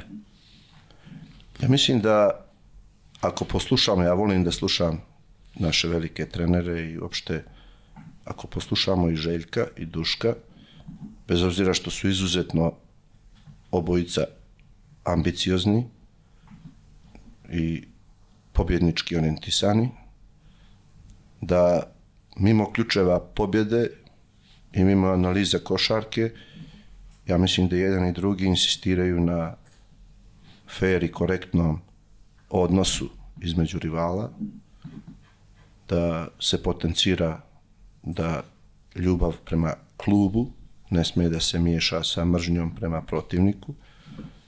I ovaj, to su neke jake poruke i ja se nadam da takve poruke mogu da uđu ovaj, i malo dublje, jer svi mi moramo da budemo odgovorni za sobstveni osjećaj.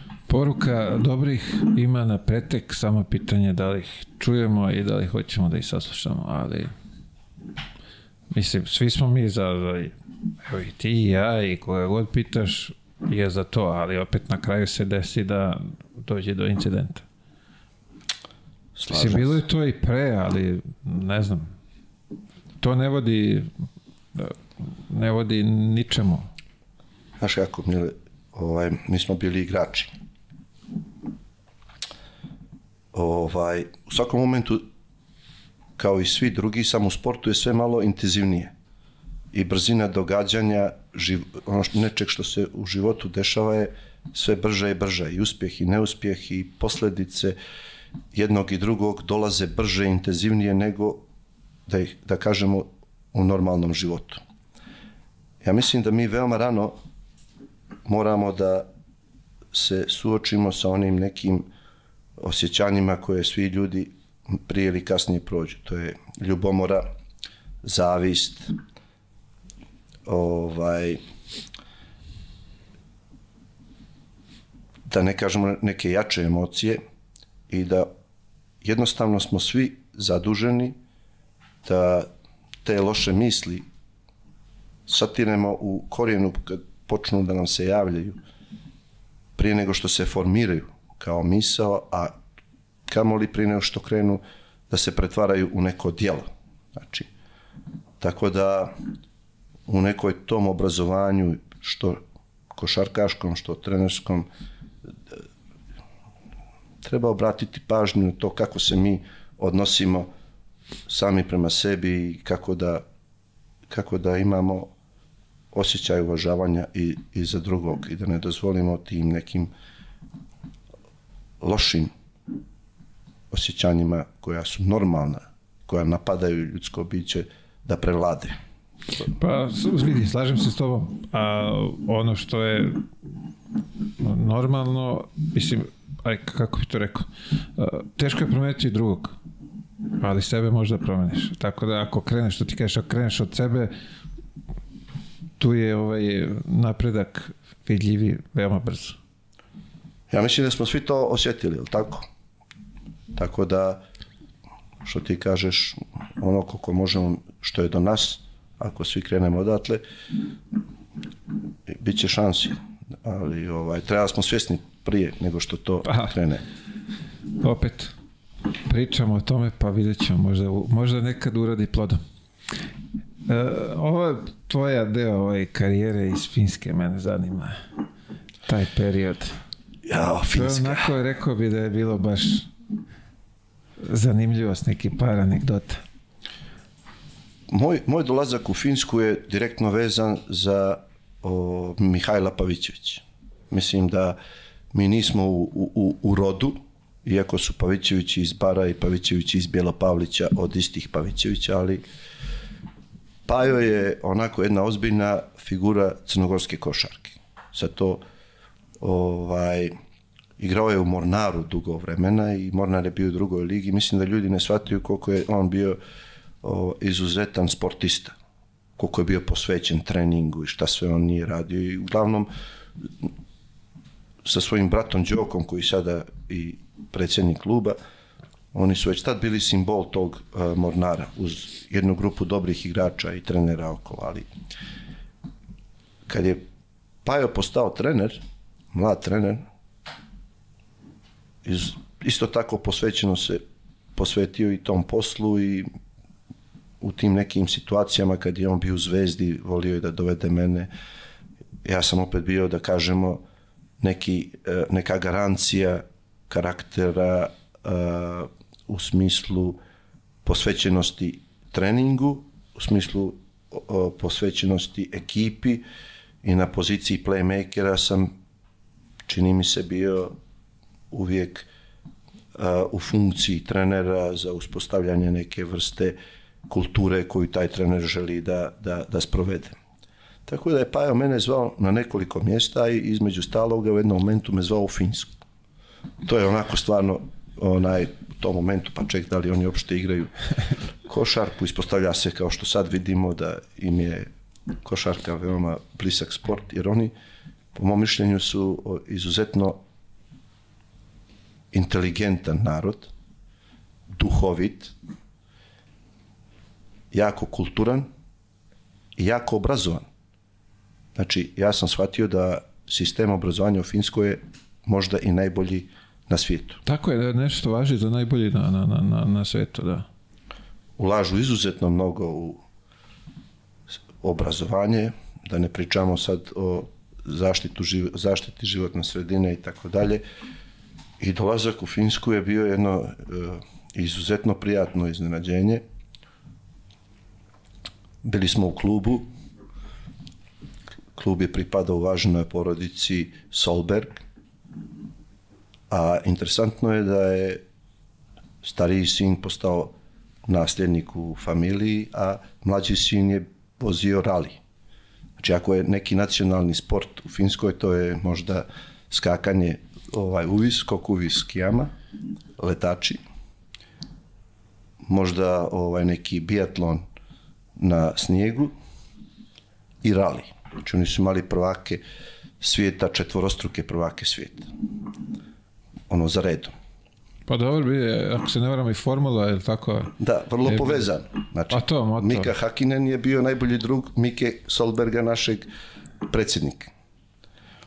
Sad, Solberg familija je podržala Miku Hakinena od Formule 3 do form, sve do Lasku i tako je Mika Hakinen stekao preduslove da dođe do te tačke.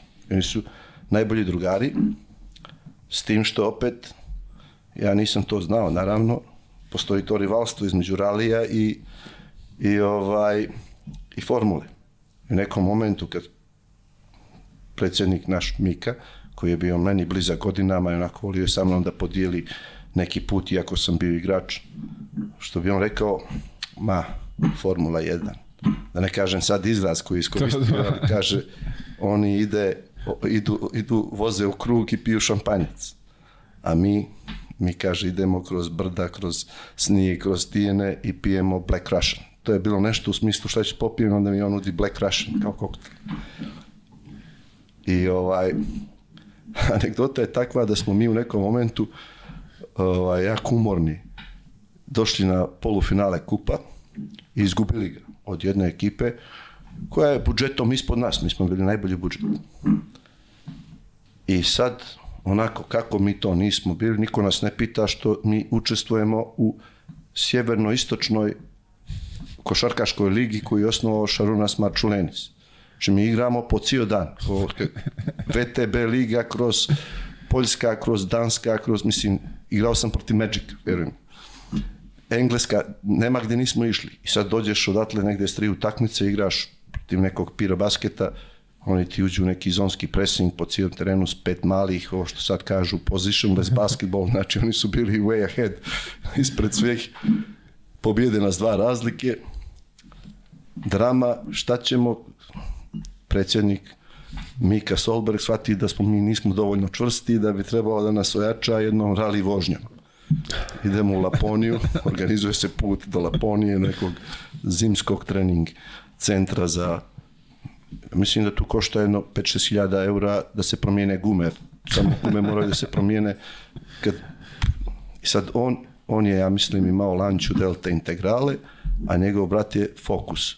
Znači, jedan i drugi to su vozilo milion, milion i po eura. Onako prilagođena rali vožnji. I sad mi svi moramo ovako kao ove tvoje slušalice stavimo, sad, sad ne podsjetimo na to. I u vezi smo sa vozačem i idemo 180 kroz neke uske, snijeg minus 30, letiš po 20 metara, stomak ti se prevrće, padaš, uklizavaš, onako ono, kod klizanjem ulaziš, tamo dolje je stijena ili ne znam, provalija. Završiš ta dva kilometra, ovi naši Amerikanci nisu imali ovaj želju da uđu, uđi, uđi, na kraju. Da li jesu, da li nisu, ne znam, ali ostalo mi u sjećanju ovaj, ta jedna anegdota poslije koje smo svi otišli na neki sauna party gdje onako, na primjer, smo bili cijelu noć, karte sauna, klopa, karte saune, onako dosta važan detalj finskog života. Tako je, da, to je i mogu ti reći mnogo zdrava, zdrava priča ta sauna. Ja mislim da svaki stan, koliko god da je mali, ima srazmjerno malu, ali postojeću saunu u svom sklopu. Gore kod njih. Jeste. Veoma zanimljiv podatak. Da nema, mi, mi smo kao porodica imali jedno od ljepših e, godina ja sam onako dodao neki svoj dio prihoda i uzeli smo jednu kuću u nekom snježnom brijegu blizu mora i ovaj, to su temperature, ja mislim januaru da je bilo minus 30, recimo 15 dana za redom. Do minus 15, to se izađe šeta se po moru, 2-3 hiljade ljudi, sunce, neko probuši ovaj rupu peca, ono kao, da kažemo što se vidi na filmovima. Preko, preko minus 15 je već kao hlad. Preko minus 15 nije baš ono. Već tada smo nosili ove rukavice i ovu da je nazovemo opremu koja je nepromočiva i tako dalje. Ti do minus 15 ne računa se zima. Meni su djeca posle recimo dva mjeseca bacala sanke i spuštala se niz brdo na prsima. Očusli su. Očusli. A reci mi, uh, spomenuo si Magica Johnsona, ovaj... Da, to je, to je, o, pazi, Magic je... dijagno- Otkud on tamo? Na koju foru? On je volio čovjek da igra, on je još bio u igračkim godinama, nije mogao da igra zbog ovaj, virusa AIDS-a koji je imao i sad ja ne znam kako, ali uglavnom taj tim, danski tim Great Dance, znači Great Dance iz Kopenhagena, neka ozbiljna dvorana, oni su, on je došao tu sa nekih 5-6 drugara iz Amerike i s nešto malo danaca i vjerojatno privatnim avionom dolazio jednom nedeljno da odigra tu utakmicu. I ovaj, sa mnom u timu su bili i Rasko Cvetković, bi- bilo je jako simpatično vidjeti eh, kad je Magic prepoznao Raska koji je igrao za Denver Nuggets i koliko je uh, Rasko bilo srećan što su se njih dva, A je. dvije veličine prepoznali. Poslije smo se šalili, ali stvarno je bilo onako zezanje, a Magic, mi smo igrali dva produžetka, znači Magic nije izašao. 50 minuta, sve sa sidom. Čovjek igra Bez kontakta. ma igra centra u, u odbrani, a playmaker u napad. Sad, onaj, ja se sjećam te neke situacije gdje ovaj, mi sad u drugom produžetku gubimo šest razlike i sad 40 sekundi do kraja. Gotova utakmica, smo i umorni, kažem ti, od svega ja bih da je pustim. Ali Pajo koji je ono kao trener, daj, sad daj da uradimo sve što je moguće. Pa ima tu neku Tarkenijanovu ameba zonu, koja je 1, 1 i 3. Ja mislim da si ti igrao u železniku kod pokojnog Ace. Znamo čemu pričaš. I sad, kao ima neka opcija, sad ti trebaš iz te zone da udvojiš. Ali zamisli da udvojiš Magica na centru, na vrhu. I meni Pajo, meni, meni Pajo kaže, kao, u dvoj, u dvoj, kao, zeznut ćemo Magica, pričavamo srpski. Neće da razume. Neće da razume. Magic gleda u njega, pa gleda u mene, on viče, u dvoj, u dvoj. A on gleda i samo kaže na engleskom, naravno, I see you, little guy, I see you, kao, vidim te mali, vidim te. I naravno, kako sam ja krenuo da odvojim, ta lopta strkne negdje, to bude trojka, dvojka, zakucavanje. I onda je to kod nas bilo onako, I see you, little guy. A on onako dribla. A dobro, tu više imao si priliku da gore čak igraš sa, sa Magicom, što je... Mi smo igrali, Igoplastika igrala te McDonald's turnire. I A to je bilo tada? jeste.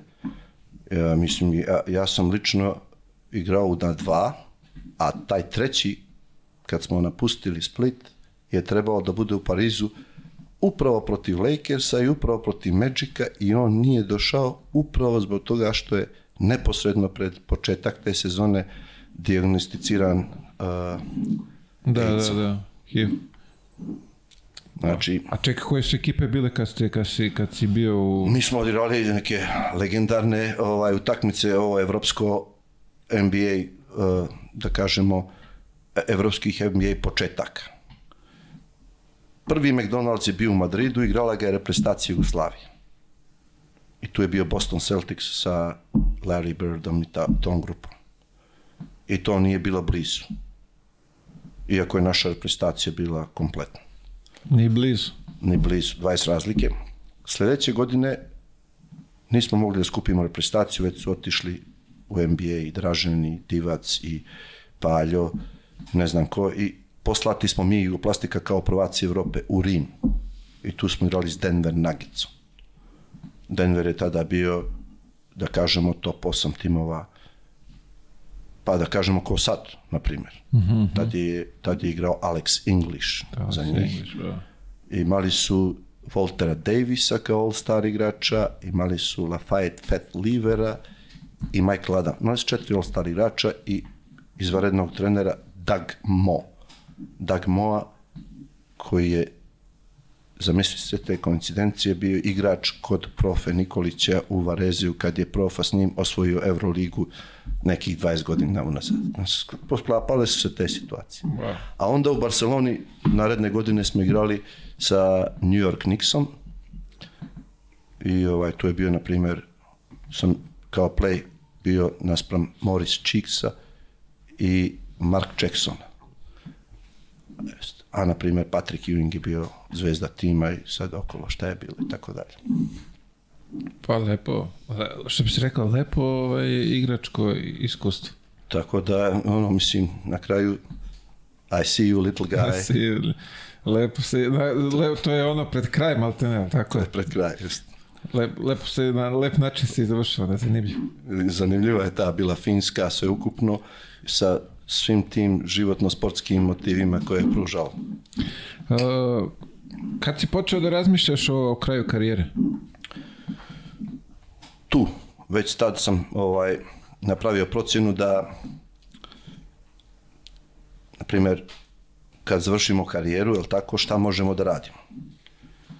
Da li smo obrazovani da uđemo u neku kompaniju i da budemo dio nečeg? Vrlo diskutabilno, znači, odnosno nije realno. Da li smo spremni da uđemo u neke privatne poslove i to nešto u šteđevine koje imamo da stavimo u neku trgovačku firmu, u neku kafanu ili tako nešto. To su sve stavke s kojima se profesionalni igrači sreću. I ovaj, stavljajući sve na, onako, da kažem, na papir, ja sam shvatio da moram da ostanem u industriji. Znači da mi je najpametnije da budem ili trener ili generalni menadžer ili menadžer koji tad je već počeo da se razvija menadžerstvo kao ozbiljno zanimanje. S obzirom da sam onako stvarno bio blagosloven u karijeri, da su me vodili, evo, pričao smo o tom pokojnom Lin Archibaldu u Americi, pa onda Mirku Novoselu, pa Boži Maljkoviću, pa Dudi pokojnom reprezentaciji, pa Pešiću u mladoj reprezentaciji, pa Znači imao sam, bio sam blagosloven da sam treniran od strane najboljih svetskih trenera. I onda sam pomislio da bi možda bilo najbolje da u tom smislu u završetku karijere preorijentišem sebe. Tako da već zadnjih par godina sam krenuo da ovaj se polako pripremam, a ta završna sezona koju sam proveo kao kapitan Zvezde pod Zmagom Sagadinom je bila stvarno dobra priprema.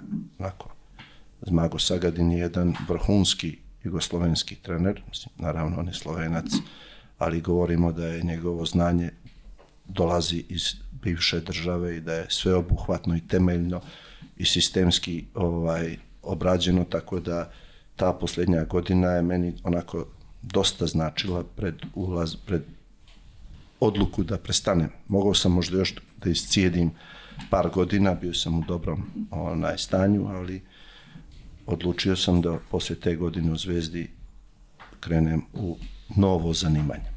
Ti si odmah, faktički godinu posle, odmah si ušao u, u trenerske vode ili... Jeste. Meni je ovaj, upravo Zmago, to jest pričamo, on je postavio da Zvezda kao veliki tim treba da ima pored svog programa uh -huh. A, koji je znači trofejna zvezda u Evrokupu ili Euroligi, whichever, koje god, treba da ima i program B, to znači u tom momentu na nivou, to je bila Jugoslovenska liga, Srpsko-Crnogorska, i program C na nivou ovaj, Srpske ligi.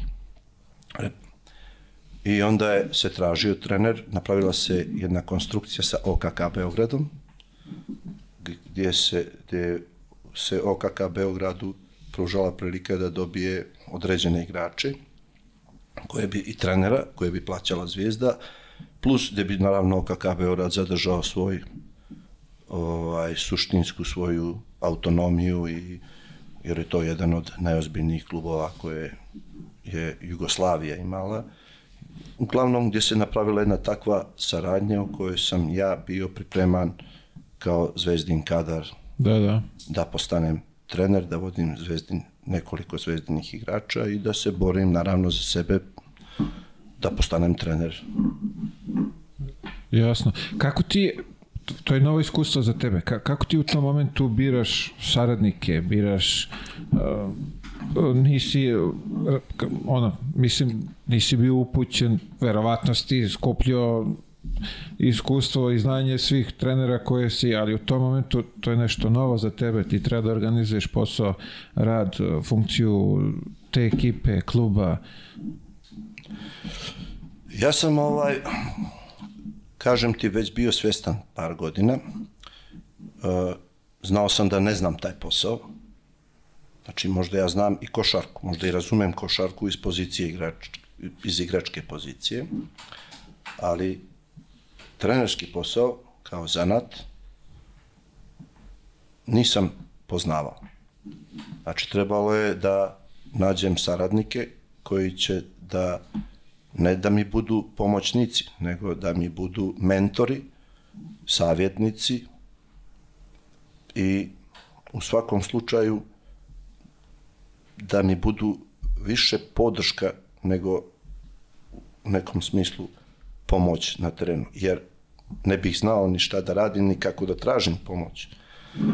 U tom smislu sam se okrenuo svom prijatelju i jednom od trenera koji me vodio u mladosti, to je Goran Miljković Finac. To je jedan od vrhunskih trenera, isto jugoslovenskih trenera koji je vodio mlade programe u Zvezdi, radničkom pa Zvezdi, mhm, koji je, mhm. ima nevjerovatan uh, prije svega talenat trenerski da prepozna mlade igrače, a onda ako ima nevjerovatno znanje da te igrače obuči do tačke ovaj nekih profesionalnih visina i koji je vodio ozbiljne košarkaške programe, ali koji iz određenih razloga nije dostigao najviši nivo. Jer da bi se dostigli najviši nivo, nivoji u trenerskom poslu potrebni su i, da kažemo, dodatni neki ovaj kvaliteti tipa podrške velikih klubova, marketing e, i tako dalje. Ja sam Gorana Miljkovića Finca zamolio ili pozvao, on je tada radio već dugi niz godina u Mađarskoj, da bude moj trener, mentor, saradnik, a jednog od i tvojih trenera sam zamolio da mi pomogne u postavci svog fizičkog dijela programa. To je bio pokojni Mika Švraka, koji je sigurno jedan od najboljih atletskih trenera u zemlji i boga mi šire i koji je svoje košarkaško primjenu svojih kondicionih znanja stekao upravo u radu s Fincem, pa onda to u najvećoj mjeri usavršio kao kondicioni trener FMP-a, gdje je u programu i sistemu FMP-a obučavao vas, mlade igrače. Da dostignete onaj atletski potencijal koji je neophodan da bi se igrala vrhunska košarka. Imao sam čak i u medicinskom smislu podršku svog prijatelja i doktora Gorana Babovića, koji je meni bio doktor i u Zvezdi i u Beobanci i koji je sa mnom, da kažemo, koji je bio meni savjetnik i kao u igračkim mojim zdravstvenim situacijama, jer ti znaš koliko puta smo mi kao igrači uopšte osjetljivi i moramo da rešavamo stvari ako nismo pod zaštitom kluba, nego između Da, da. angažmana i tako dalje. Tako da sam ja imao jedan ozbiljan stručni štab. Mika naravno nije mogao da radi za mene, e, da kažemo sa mnom lično u OKK Beogradu jer je vodio FMP, ali on predložio svog prijatelja Dmitra Marčetu. Maki je bio ozbiljan uh, trener fizičke pripreme, prije toga je bio ozbiljan sportista, bacač diska u staroj Jugoslaviji i ja sam, ovo što ti kažeš, veoma odgovorno uspio da obezbijedim jedan izuzetan stručni štab, što su kasnije u OKK Beogradu prepoznali, da sam bio odgovoran, da nisam došao tu kao bivši igrač, da samo onako malo zamažem, nego da sam sa svojim stručnom, stručnim štabom uložio ogroman napor da te godine i igrači i klub dostignu svoj maksimum. Jasno, a, ta tvoja prva godina, ajde, to je sad neko novo iskustvo za tebe. Koliko si ti, me zanima, kao igrač, igrao si na vrhunskom nivou, vrhunske rezultate i sve, koliko si ti morao kao trener da se sad prilagođavaš nekim novim uslovima i da se menjaš i, i iz godine u godinu? Znaš kako, Mile, ti sad radiš ovaj posao koji nije, nema nikakve veze sa, da kažemo, igranjem. Ti naravno koristiš svoje znanje i poznanstva da ti pomognu da radiš ovaj posao, ali ti moraš da učiš detalje ovog posla. Ti sad odjednom ti moraš da zakupiš ovu, ovaj studiju. Moraš da imaš odnose, da znaš koju opremu, koja je gled... Jednostavno, počinješ da se orijentišeš ka novoj profesiji. Košarka ti i dalje, kao i meni tada, osnov. Samo što je posao dolazi iz drugog ugla. Znači, ja sam tu imao veliku pomoć i od najviše od Finca, ali kažem i od pokojnog Mike i Gorana, ali Finac mi je objasnio da sad se bavimo obukom igrača. Znači, tu treba da znamo šta mi hoćemo i onda posle toga da odlučimo kako ćemo do toga da dođemo. I suštinski to je bilo jako interesantno. Ja sam dobio, na primjer, Joa Vukosavljevića, dobio sam Vladu Micova, bili su Lepojević, bio je Subotić, to su sve bili igrači koji su u potencijalu. A imao sam, na primjer, Šubaru i od Sokoljića na poziciji playmakera, to su odlični igrači. Imao sam Mačeta Krasića, Kosanovića, Bojana Bradovića, koji se kao, nisu bili velika imena, ali sad, od, odjednom sam ja tokom rada shvatio da zapravo imam jedan jako dobar tim. a oni su opet s njihove strane shvatili da imaju jedan tim ljudi trenerski koji radi na njima da budu jači, da budu spremni, da budu obučeni i znaš šta, ja bih ti rekao da sam onaj, bio pod stresom, bio sam pod stresom, onako, bilo toku utakmice, istočavanja, zalijetanja prema sudijama i prema drugim trenerima, ali ono, bila je jedna, jedno, jedno neverovatno putovanje u drugi svijet. I mi smo napravili sjajan posao. I ti momci su svi onako da kažemo narasli i porasli. Što mi reče Mače Krasić u jednom momentu, kaže Luka, ja sam još tri godine igrao na ovo što smo trenirali, moram da priznam da sam bio, Trenirala sam. ambi, bio sam, da kažemo, veoma ambiciozan i onako, na, sve smo išli po, po knjizi. I ovaj, tu je onako, bilo je taj, bio stresan taj početak, ali kao i moji igrači i ja sam kao trener ušao kao jedan na jednom nivou, a izašao kao potpuno drugačiji proizvod. Apsolutno, da. Mislim, u bilo koji posao da uđeš, ovaj, ista situacija ulaziš. Ajde kažemo, nedovoljno obučen, izlaziš kao... Više, manje ili više. Tako je, tako je. Uh, kako si ti zadovoljan, vidi, tvoja karijera i dalje, da će Bog da to traje poprilično još ovaj godina, ali sad uh, ovako generalno trenerskom karijerom, kako si zadovoljan? Ja mislim da ovaj što se tiče tog nekog sistema standarda eh, standarda rada i sistema po kojem radi, ja mislim da sam u punoj zrelosti i da sam došao do jedne tačke koja je onako prilično zadovoljavajuća i visoka, s tim što, kao što si rekao, svi mi kao profesionalci treba neprekidno da se usavršavamo. Mislim da sam ovaj, u, na klubskom nivou dotakao tipa, vodio sam sa Albom i Euroligu i bio u finalu Evrokupa i osvajao kup. Vodio sam, znači, 3-4 godine ozbiljnog, e, ozbiljan nivo neke nemačke lige i tu je sad, u tom momentu mislim da prešao u Francusku, ali u tom momentu mislim da mi je e, prekinut taj neki, da kažemo, napredak u smislu dodirivanja Evrolige.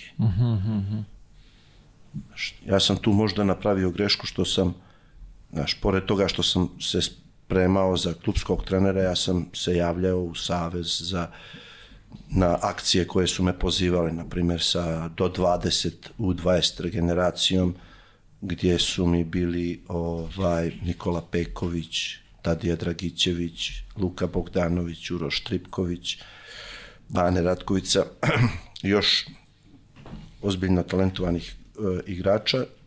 To mi je bila to mi je već u drugoj godini sam bio postao trener mladih. Pa sam onda dobio univerzitetsku reprezentaciju iz koje su na primjer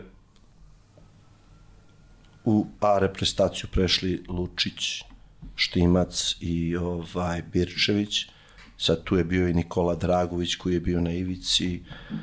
Tu je ovaj bio ovaj Mladen Jeremić koji mm -hmm, onako tu su ta, ta generacija je možda veći deo te generacije već bio u A reprezentaciji. Ali uglavnom mene je vuklo i to da vodim reprezentaciju, tako da sam prihvatio tu crnogorsku, poziv crnogorske reprezentacije gde sam odradio jedan ciklus tri godine i tu sam malo, čini mi se, ovaj, sebe a, razvukao.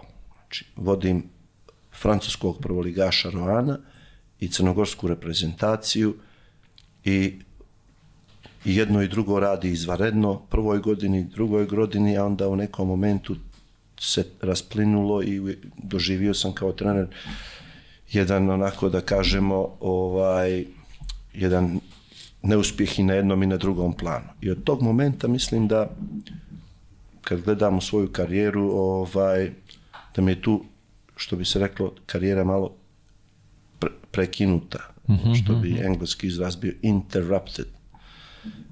Sad onda u toj nekoj uh, u toj nekom snalaženju ovaj, našao sam se u Japanu koje je fenomenalno iskustvo rad sa, na, na najvišem nivou za najviši klub i za onako jedan uh, lijep, za jedan lijep novac ali ovaj, ja bih rekao da, da mi nedostaje još jedan korak koji sam, da kažemo, preskočio ili propustio ili nisam uspio da, da iskoračim i onako, a prilično sam motivisan i željan da ga još uvijek napravim. Smatram da sam u tim godinama. Pa ajde, mi želimo da, ovaj, da se to, što bi se reklo, ostvari već sad je pa polus, može sad na, na od, od leta. Mislim, ne, rekao bi da je nezahvalno kad uzmiš ekipu na pola sezone.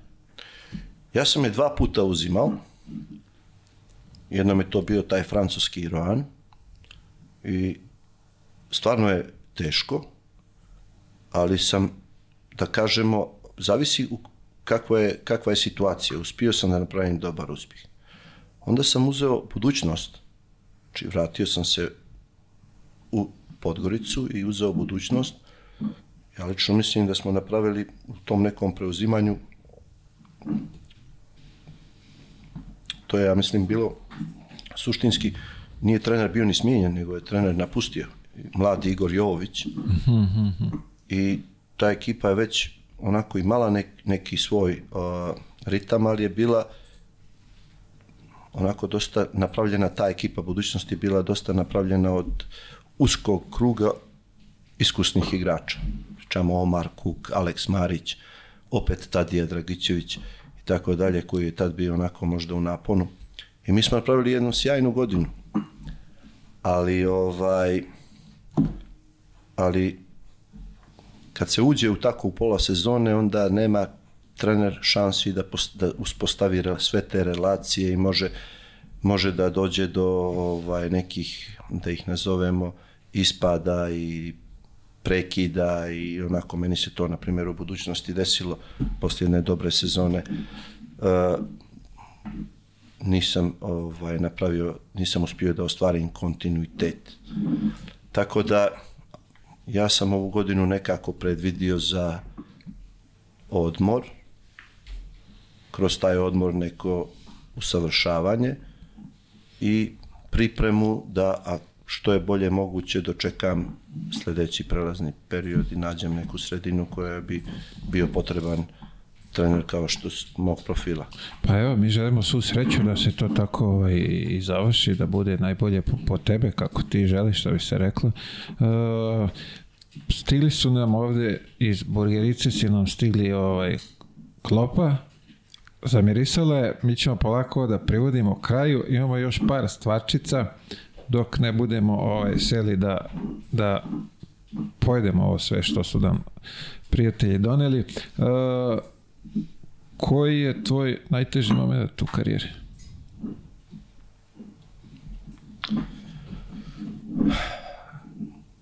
Pričamo sad dvije karijere. Jedna. Ovo je igračkoj. Igračkoj? Da.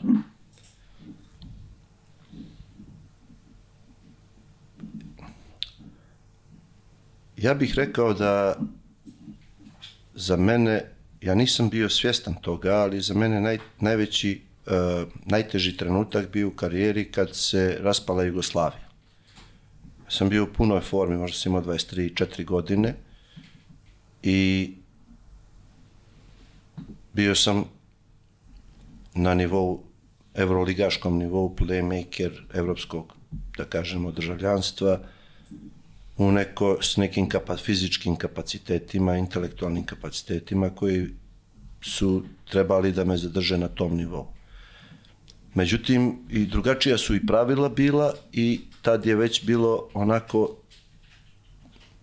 još se nije razvilo posredovanje u nalaženju poslova i planiranju poslova. Mm -hmm.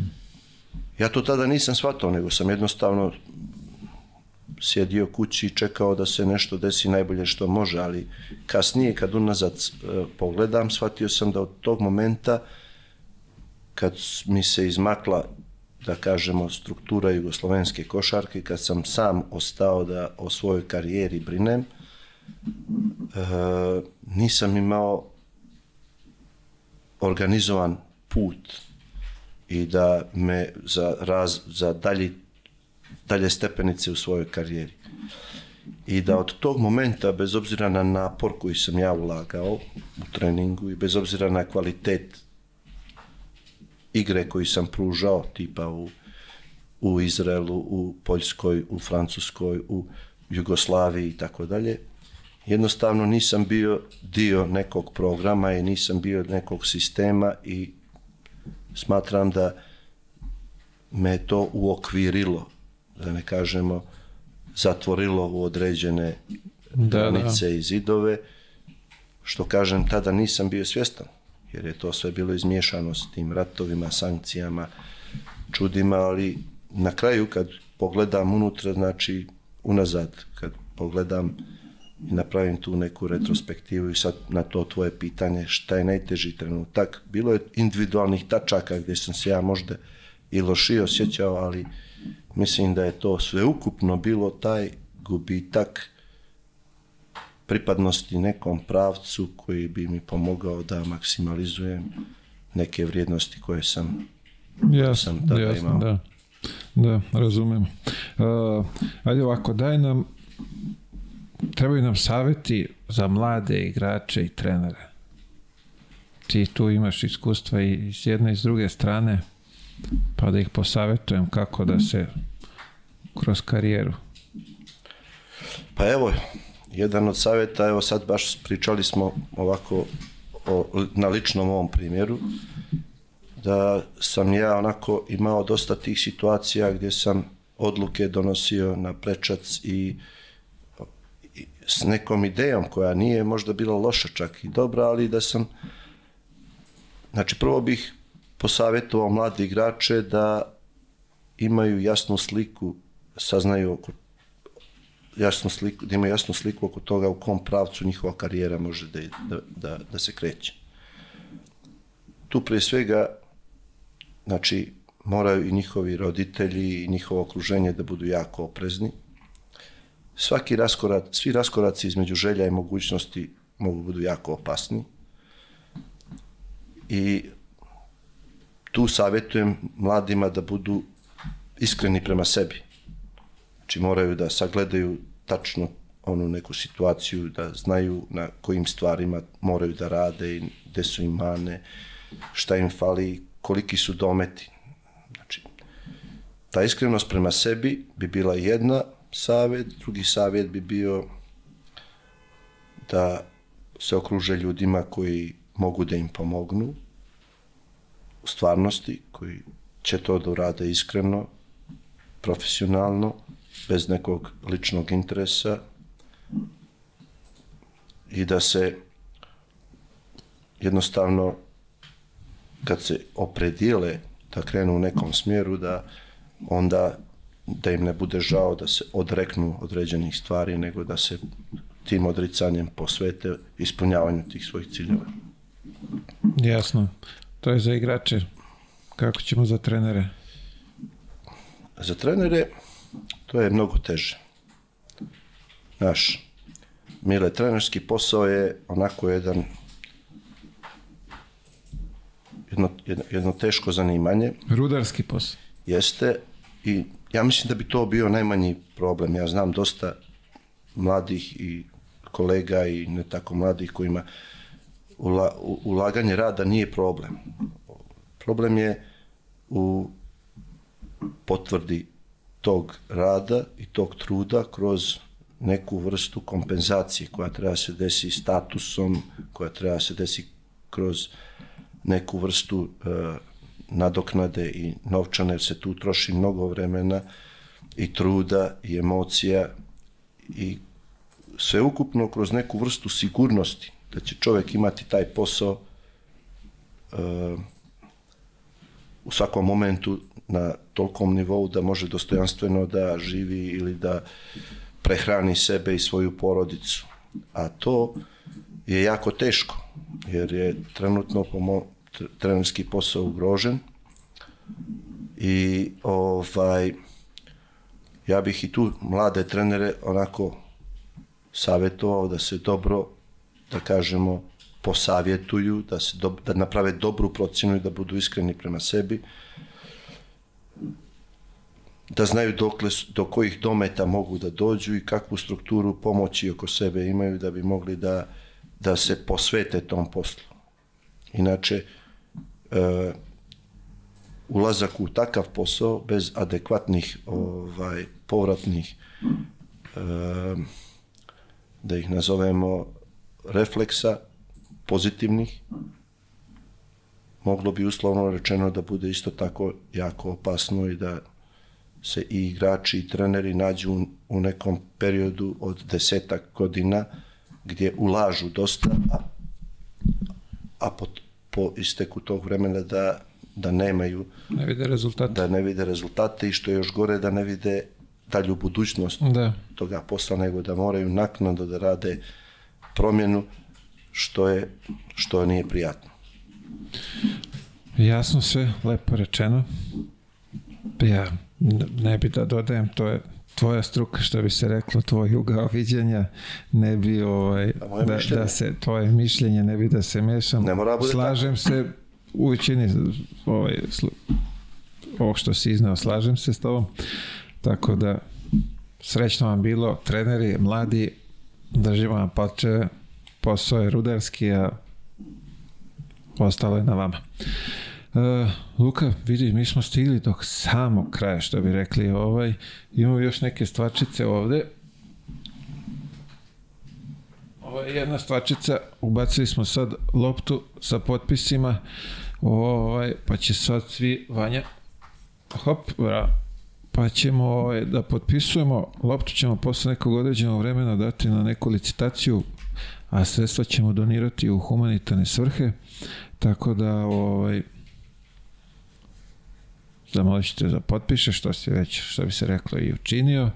I Evo moj potpis. imamo ovde od sponzora podcasta da isprobaš šampionsko vino. To je, Zahvaljujem, ovo je Sauvignon Blanc. tako je, verujem da, da si ljubitelj belog vina. Pa sigurno nisam kao čovjek koji je živao u Francuskoj četiri Tako godine. je, da. Ti si navikao tamo na ovaj, eh, šampanj i na, kako, kako beše, konjak, je li tako? Vlada Đurić kaže da je njihov konjak. Pa, mislim, on je originalno iz, iz konjak provincije, tako da je... Ja, na primjer, nisam... Konjak je digestiv, ide posle. Šampanj je pjenušao vino. Nije, nije mi Udara prijalo. u glavu, što bi se rekao. Nije mi prijalo, ali ovako jedno dobro Sauvignon Blanc kao Evo. neki aperitivo, kao neki početak u dobro večer ili u večeru, ovo ćemo da raskladimo i sa sjećanjem na ovu emisiju i na tebe. Tako je, na, javi nam, javi nam Dobar obavezno nam javi ovaj, utiske kako je vino, mnogi su ga pohvalili koji su bili ovde i probali. Uh, Vanja, mogu te zamolim za burgericu, ako ti nije problem da nam ovde samo, što bi se reklo, da nas poslužiš, braća su poslala da pojedemo, znaju da smo ogladnili. Ovaj,